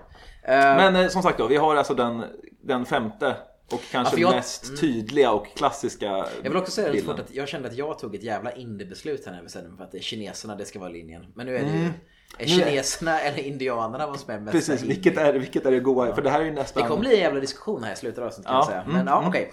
Ö, Sista, sista taken på vilka de är då. Okej, så varför kallas de för kungar så ofta? Det har med medeltiden att göra. Just det, det har vi helt glömt bort nu. Kungpodden.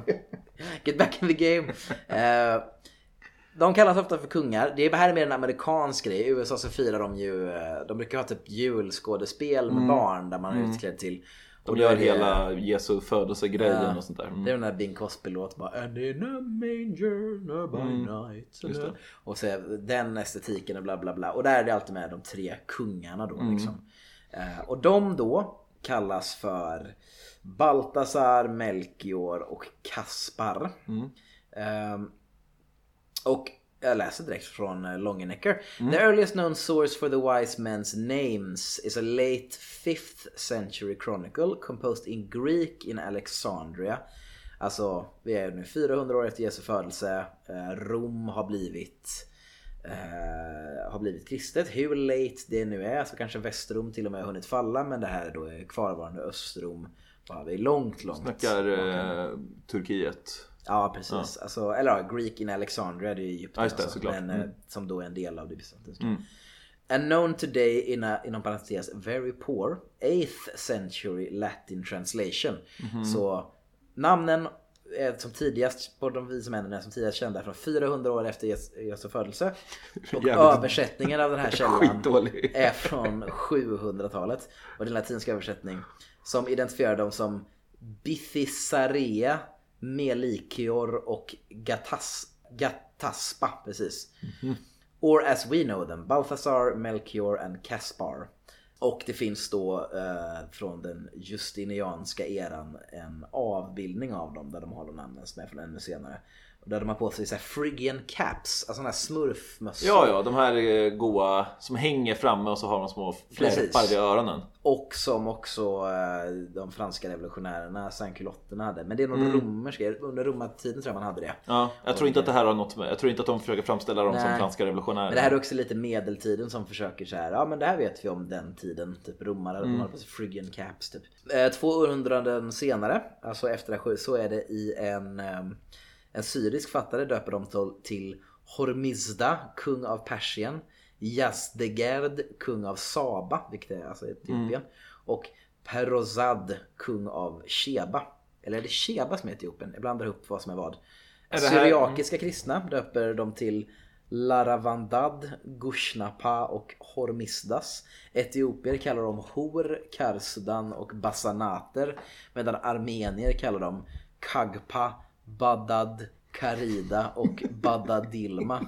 De, det är verkligen att de så här blir bara sämre och sämre. Alltså längre och längre ifrån de här Precis. originalnamnen som man känner igen. Och alltså poängen med allt det här, att alla översättningar av dem och att det sen också blir en grej, det utvecklas under medeltiden från att de är kungar över så här obestämt Afrika, Asien och Europa. Det är att det här är lite som du var inne på där förr, eller lite som, som du var inne på förut. Alltså det här är en del av den kristna mytbildningen om att de, hela världen kom för att eh, uppmärksamma Jesu barnet och hylla honom. Och att man sen då har eh, King of Kings. Precis, alltså kristendom har ju haft en väldigt liten närvaro i Kina. Den har faktiskt funnits, särskilt på typ 400 och 500-talet tror jag när nestorianismen kommer dit. Mm. Ja, det Men de få kristna som finns i Kina, de har, för att det man vet är att aposteln Thomas, han kom, alltså man har missionerat så långt som i Indien och det finns några få så här kristna indiska communities som går väldigt långt tillbaka. Mm. Kina och då antar jag också, alltså låter det som vad du beskrev, Sydamerika brukar ofta vara när man bibliska får det att gå ihop så är liksom Thomas är lite så här and the rest. Ja, för att han är precis. så här öster generellt typ liksom. Mm. Och de här kungarna är väl också lite sån här grej. Ja men de var från så här kung av Asien. och så här kung av Afrika. Och det fanns ju en myt om när man kom till Etiopien. Man letade efter något som heter, jag vet inte om det är bibeln eller men det är en tidig kristen grej att man talar om en presterion. Som är alltså en bortglömd kristen kung i Afrika som alltså har blivit så här cut off från resten av sina. Och när man då hittar Etiopien, det var portugiserna som hittade eh, när man seglar runt. Eh, då finns, det är ju, de är kristna i Etiopien. Ja. Och de var övertygade om att de hade hittat Presterion. Och Presterion och allt det där det har också en koppling till det här med Thomas och vise männen. Att det finns liksom en sån väldigt vag luddig idé inom kristendomen där man är att så här, ja men Thomas han åkte så här, han tog resten liksom. Han, han åkte österut. Och det här är väl utifrån vad de här Melchior och Baltasar och de finns ju i eh, jag tror det finns avbildningar av dem i Notre Dame och sådana där grejer och att de trycker mer och mer på den här kunggrejen under medeltiden. Det har ju med liksom det här att göra typ. I ett irländskt manuskript från 700-talet eh, ger då mer detalj om de vise männen som förklarar vad de, eh, att de representerar människans tre åldrar, ungdom, medelålder och ålderdom. Eh, och under det här tillfället så är de inte längre perser då. Utan har tagit sig an racial characteri- characteristics indicating that one was European, one African and one Asian. Representing the three regions of the known world. Och sen så upptäckte de Sydamerika och så. Oh, ja, det är också Asien, det var ännu längre österut. Ehm, Så vet du, så det var en så här, ett barn som var europeiskt, en vuxen afrikan och en jättegammal kines. Mhm. Eller asiat, förlåt. Precis, och sen då The Venerable Bede, jag vet inte om man uttalar det, men det är alltså det är en munk eh, på 700-talet i Storbritannien. Han fortsätter där då. eh, Och han menar att the international origins of the three wise men could also signify the three sons of Noah who as tradition had it peopled the globe and were the source of humanity's three basic racial groups. Uh, he summarized the tale as it was known in his time. The Magi were the ones who gave gifts to the Lord. The first is said to have been Melchior, an old man with white hair and a long beard, who offered gold to the Lord as to a king. The second, Gaspard by name, young and beardless and ruddy complexioned, honored him as God by his gift of incense, an oblation worthy of divinity. The third, black skinned and heavily bearded, named Balthasar, by his gift of myrrh testified to the Son of Man, who was to die. Det är Myrrabränna David Mm. begravningar. Legenden fortsätter då utvecklas eh, och enligt eh, en eh, legend, en berättelse, en krönika antar jag, från 1100-talet. eh, En krönika om eller av Sankt Eustorgio, jag vet inte riktigt om det är så don't ask Ja. me lyssnare. Eh, Så är det att kejsar Konstantins mor Helena ska ha upptäckt de tre kungarnas kroppar vart de låg begravna i Persien. Så då får man massa reliker populärt i medeltida kristendom och hitta på. Det finns typ, ja, Jesus högra hand finns det typ 73 av. Ja, och så Alltså, här träbitar från korset och hans Precis, men det här var ändå på något sätt allmänt erkänt på medeltiden att man ska ha hittat dem och att Mm. eh, the relics were transferred to the great church of Hagia Sophia in Constantinople when Eustorgio became bishop of Milan. Okej, så Eustorgio var en riktig person, en biskop som skrev en text om det här. He petitioned the emperor to enshrine the relics of the Magi in his cities. Så nu är de i Milano. Mhm. In 1164 when Milan was looted by the army of Frederick Barbarossa. Uh, the bones of the three kings were removed to Cologne, alltså Köln, uh, Germany, where they remain entombed in the great Gothic cathed- cathedral in a magnificent golden animal shrine.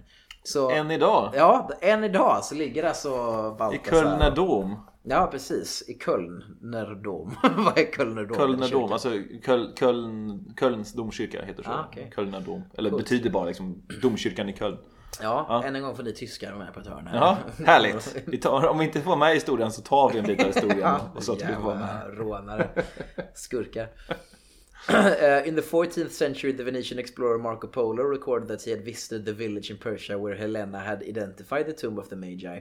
And in the same century, the Carmelite monk uh, John of Hildesheim, in his History of the Three Kings, recounted how the star was first sighted in the 42nd year of the Emperor Augustus from the summit of Mount Vos in the east by a group of pagan astrologers who were aware of the Old Testament prophecy of Balaam. Melchior skulle ha då enligt eh, den här John rest från Nubien och Arabien, Baltasar från Godolia och Saba och Kaspar från Tharsis och Egrisul. Jag vet inte vad det är för någonting. Nej, men de blev ändå begravda ihop. Alla. Ja, precis. Ja, och det är väl egentligen allt vi har. Det här är den medeltida bilden av dem. De var liksom från utlandet i allmänhet. De var kungar från utlandet eh, som levde ihop i någon slags konstig kollektiv. Och sen så blev de begravda ihop och sen typ några hundra år senare så var det någon som lyckades identifiera deras grav. Precis. Ja, inga förklaringar om hur fan de kunde hitta stjärnan eller varför just de kunde tyda dem eller någonting. Det är nog, jag, jag, ibland så säger man så här, ah, man borde inte kalla som jag på engelska medeltiden för the dark ages. Ordet medeltid syftar också på, det syftar på tiden så här, mellan Rom och renässansen och Mm. upplysningen och, och sådär. Och, för att det var inte så det var, det var inte så mycket källor om Det hade det. en egen, det hade en egen Precis, det var inte en allmän fördumning. Men jag känner mer och mer att jag tror att det var så faktiskt. Jag tror att medeltiden bara var en fördumning av människor. Och det är mycket såna här Mm. idiotgrejer som dyker upp då. Man bara så här, och att liksom att folk börjar så gå mer och mer bananas med, så här, med göticism och alla såna här grejer. Typ att folk, Mm. bara, folk bara tappar det totalt och bara hittar på vad fan de vill typ. Mm. Ja, alltså, Rom hade väl också en mytisk historieskrivning men det kändes ändå som att det var lite mer seriöst på den tiden. Eller var lite sof- sofistikerat på något sätt i alla fall. Ja. Men ja, okej. Okej, då har vi dem då. De fem olika vise män berättelserna. Nu knäcker vi vilken som stämmer. Jaha, vilken stämmer? Sting nu eller? ja, eller vad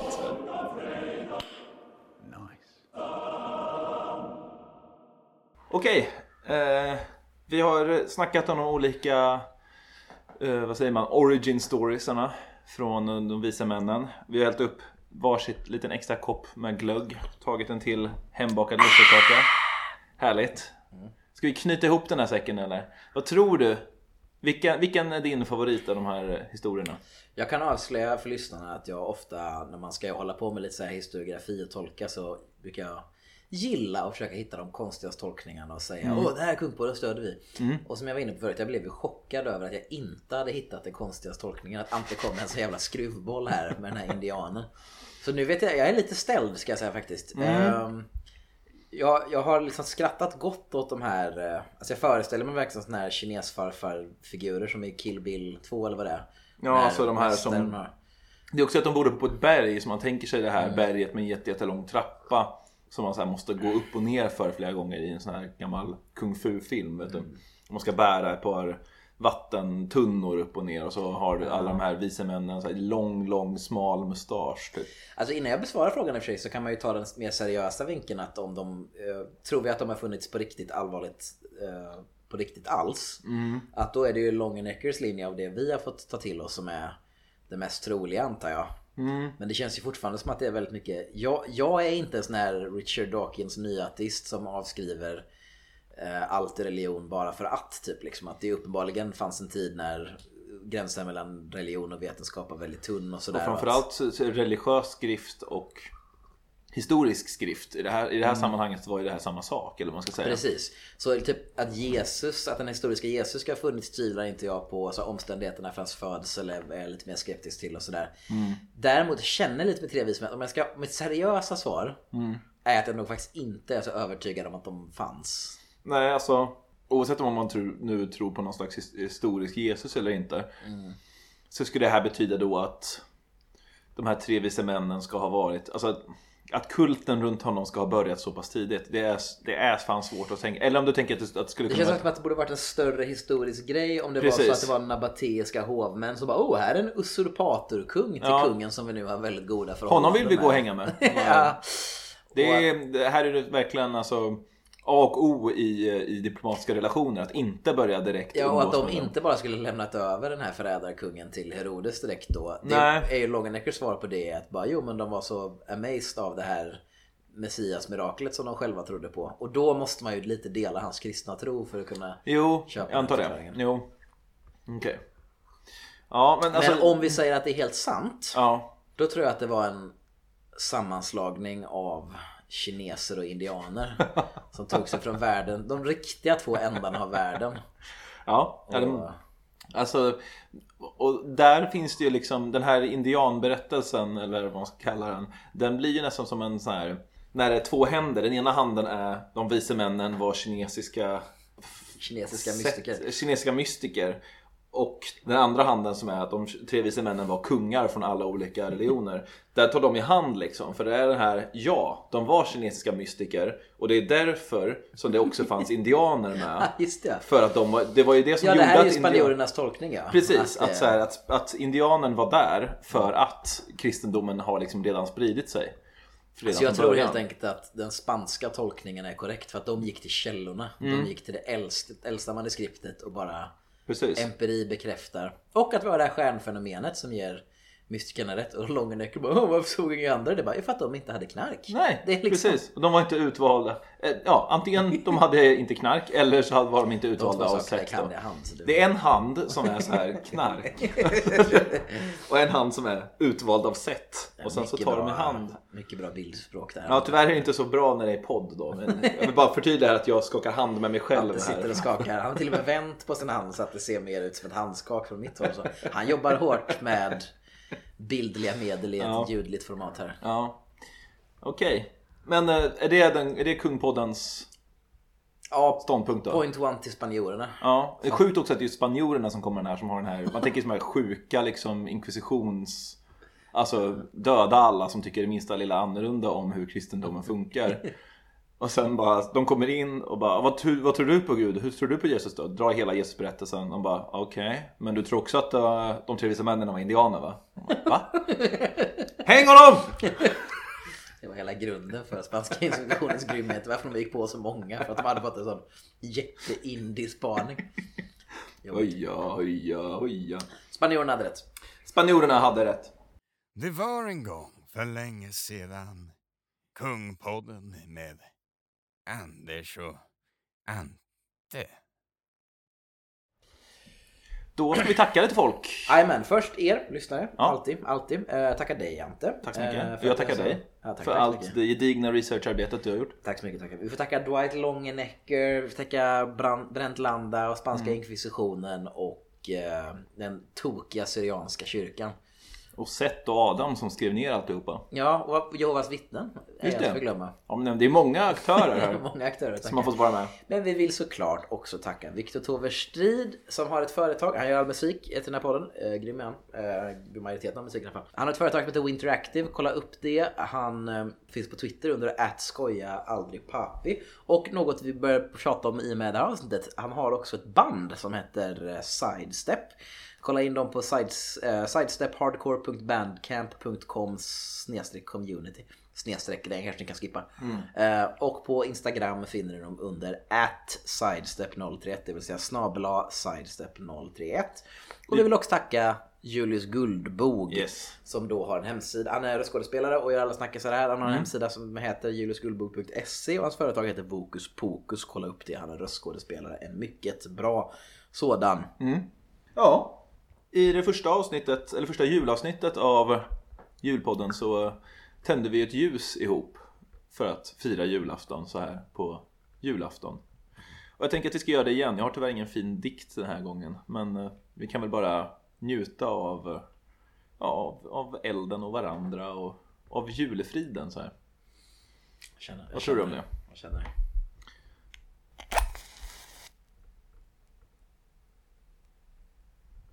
Så med det här avsnittet vill vi väl bara säga från oss alla på Kungpoddens redaktion till er alla där ute som lyssnar. Ha en riktigt god jul. En god jul önskar. Jag honom såg en gång. En härlig konung. Tag honom ett för allt. Han var en man. Hans likes väl till skådan. Coming to King. Be- be- be- Best not miss.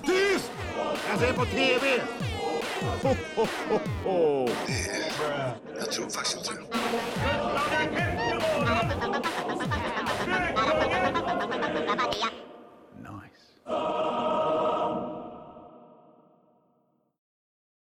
Är det dags för Kalle nu eller? Åh oh, shit.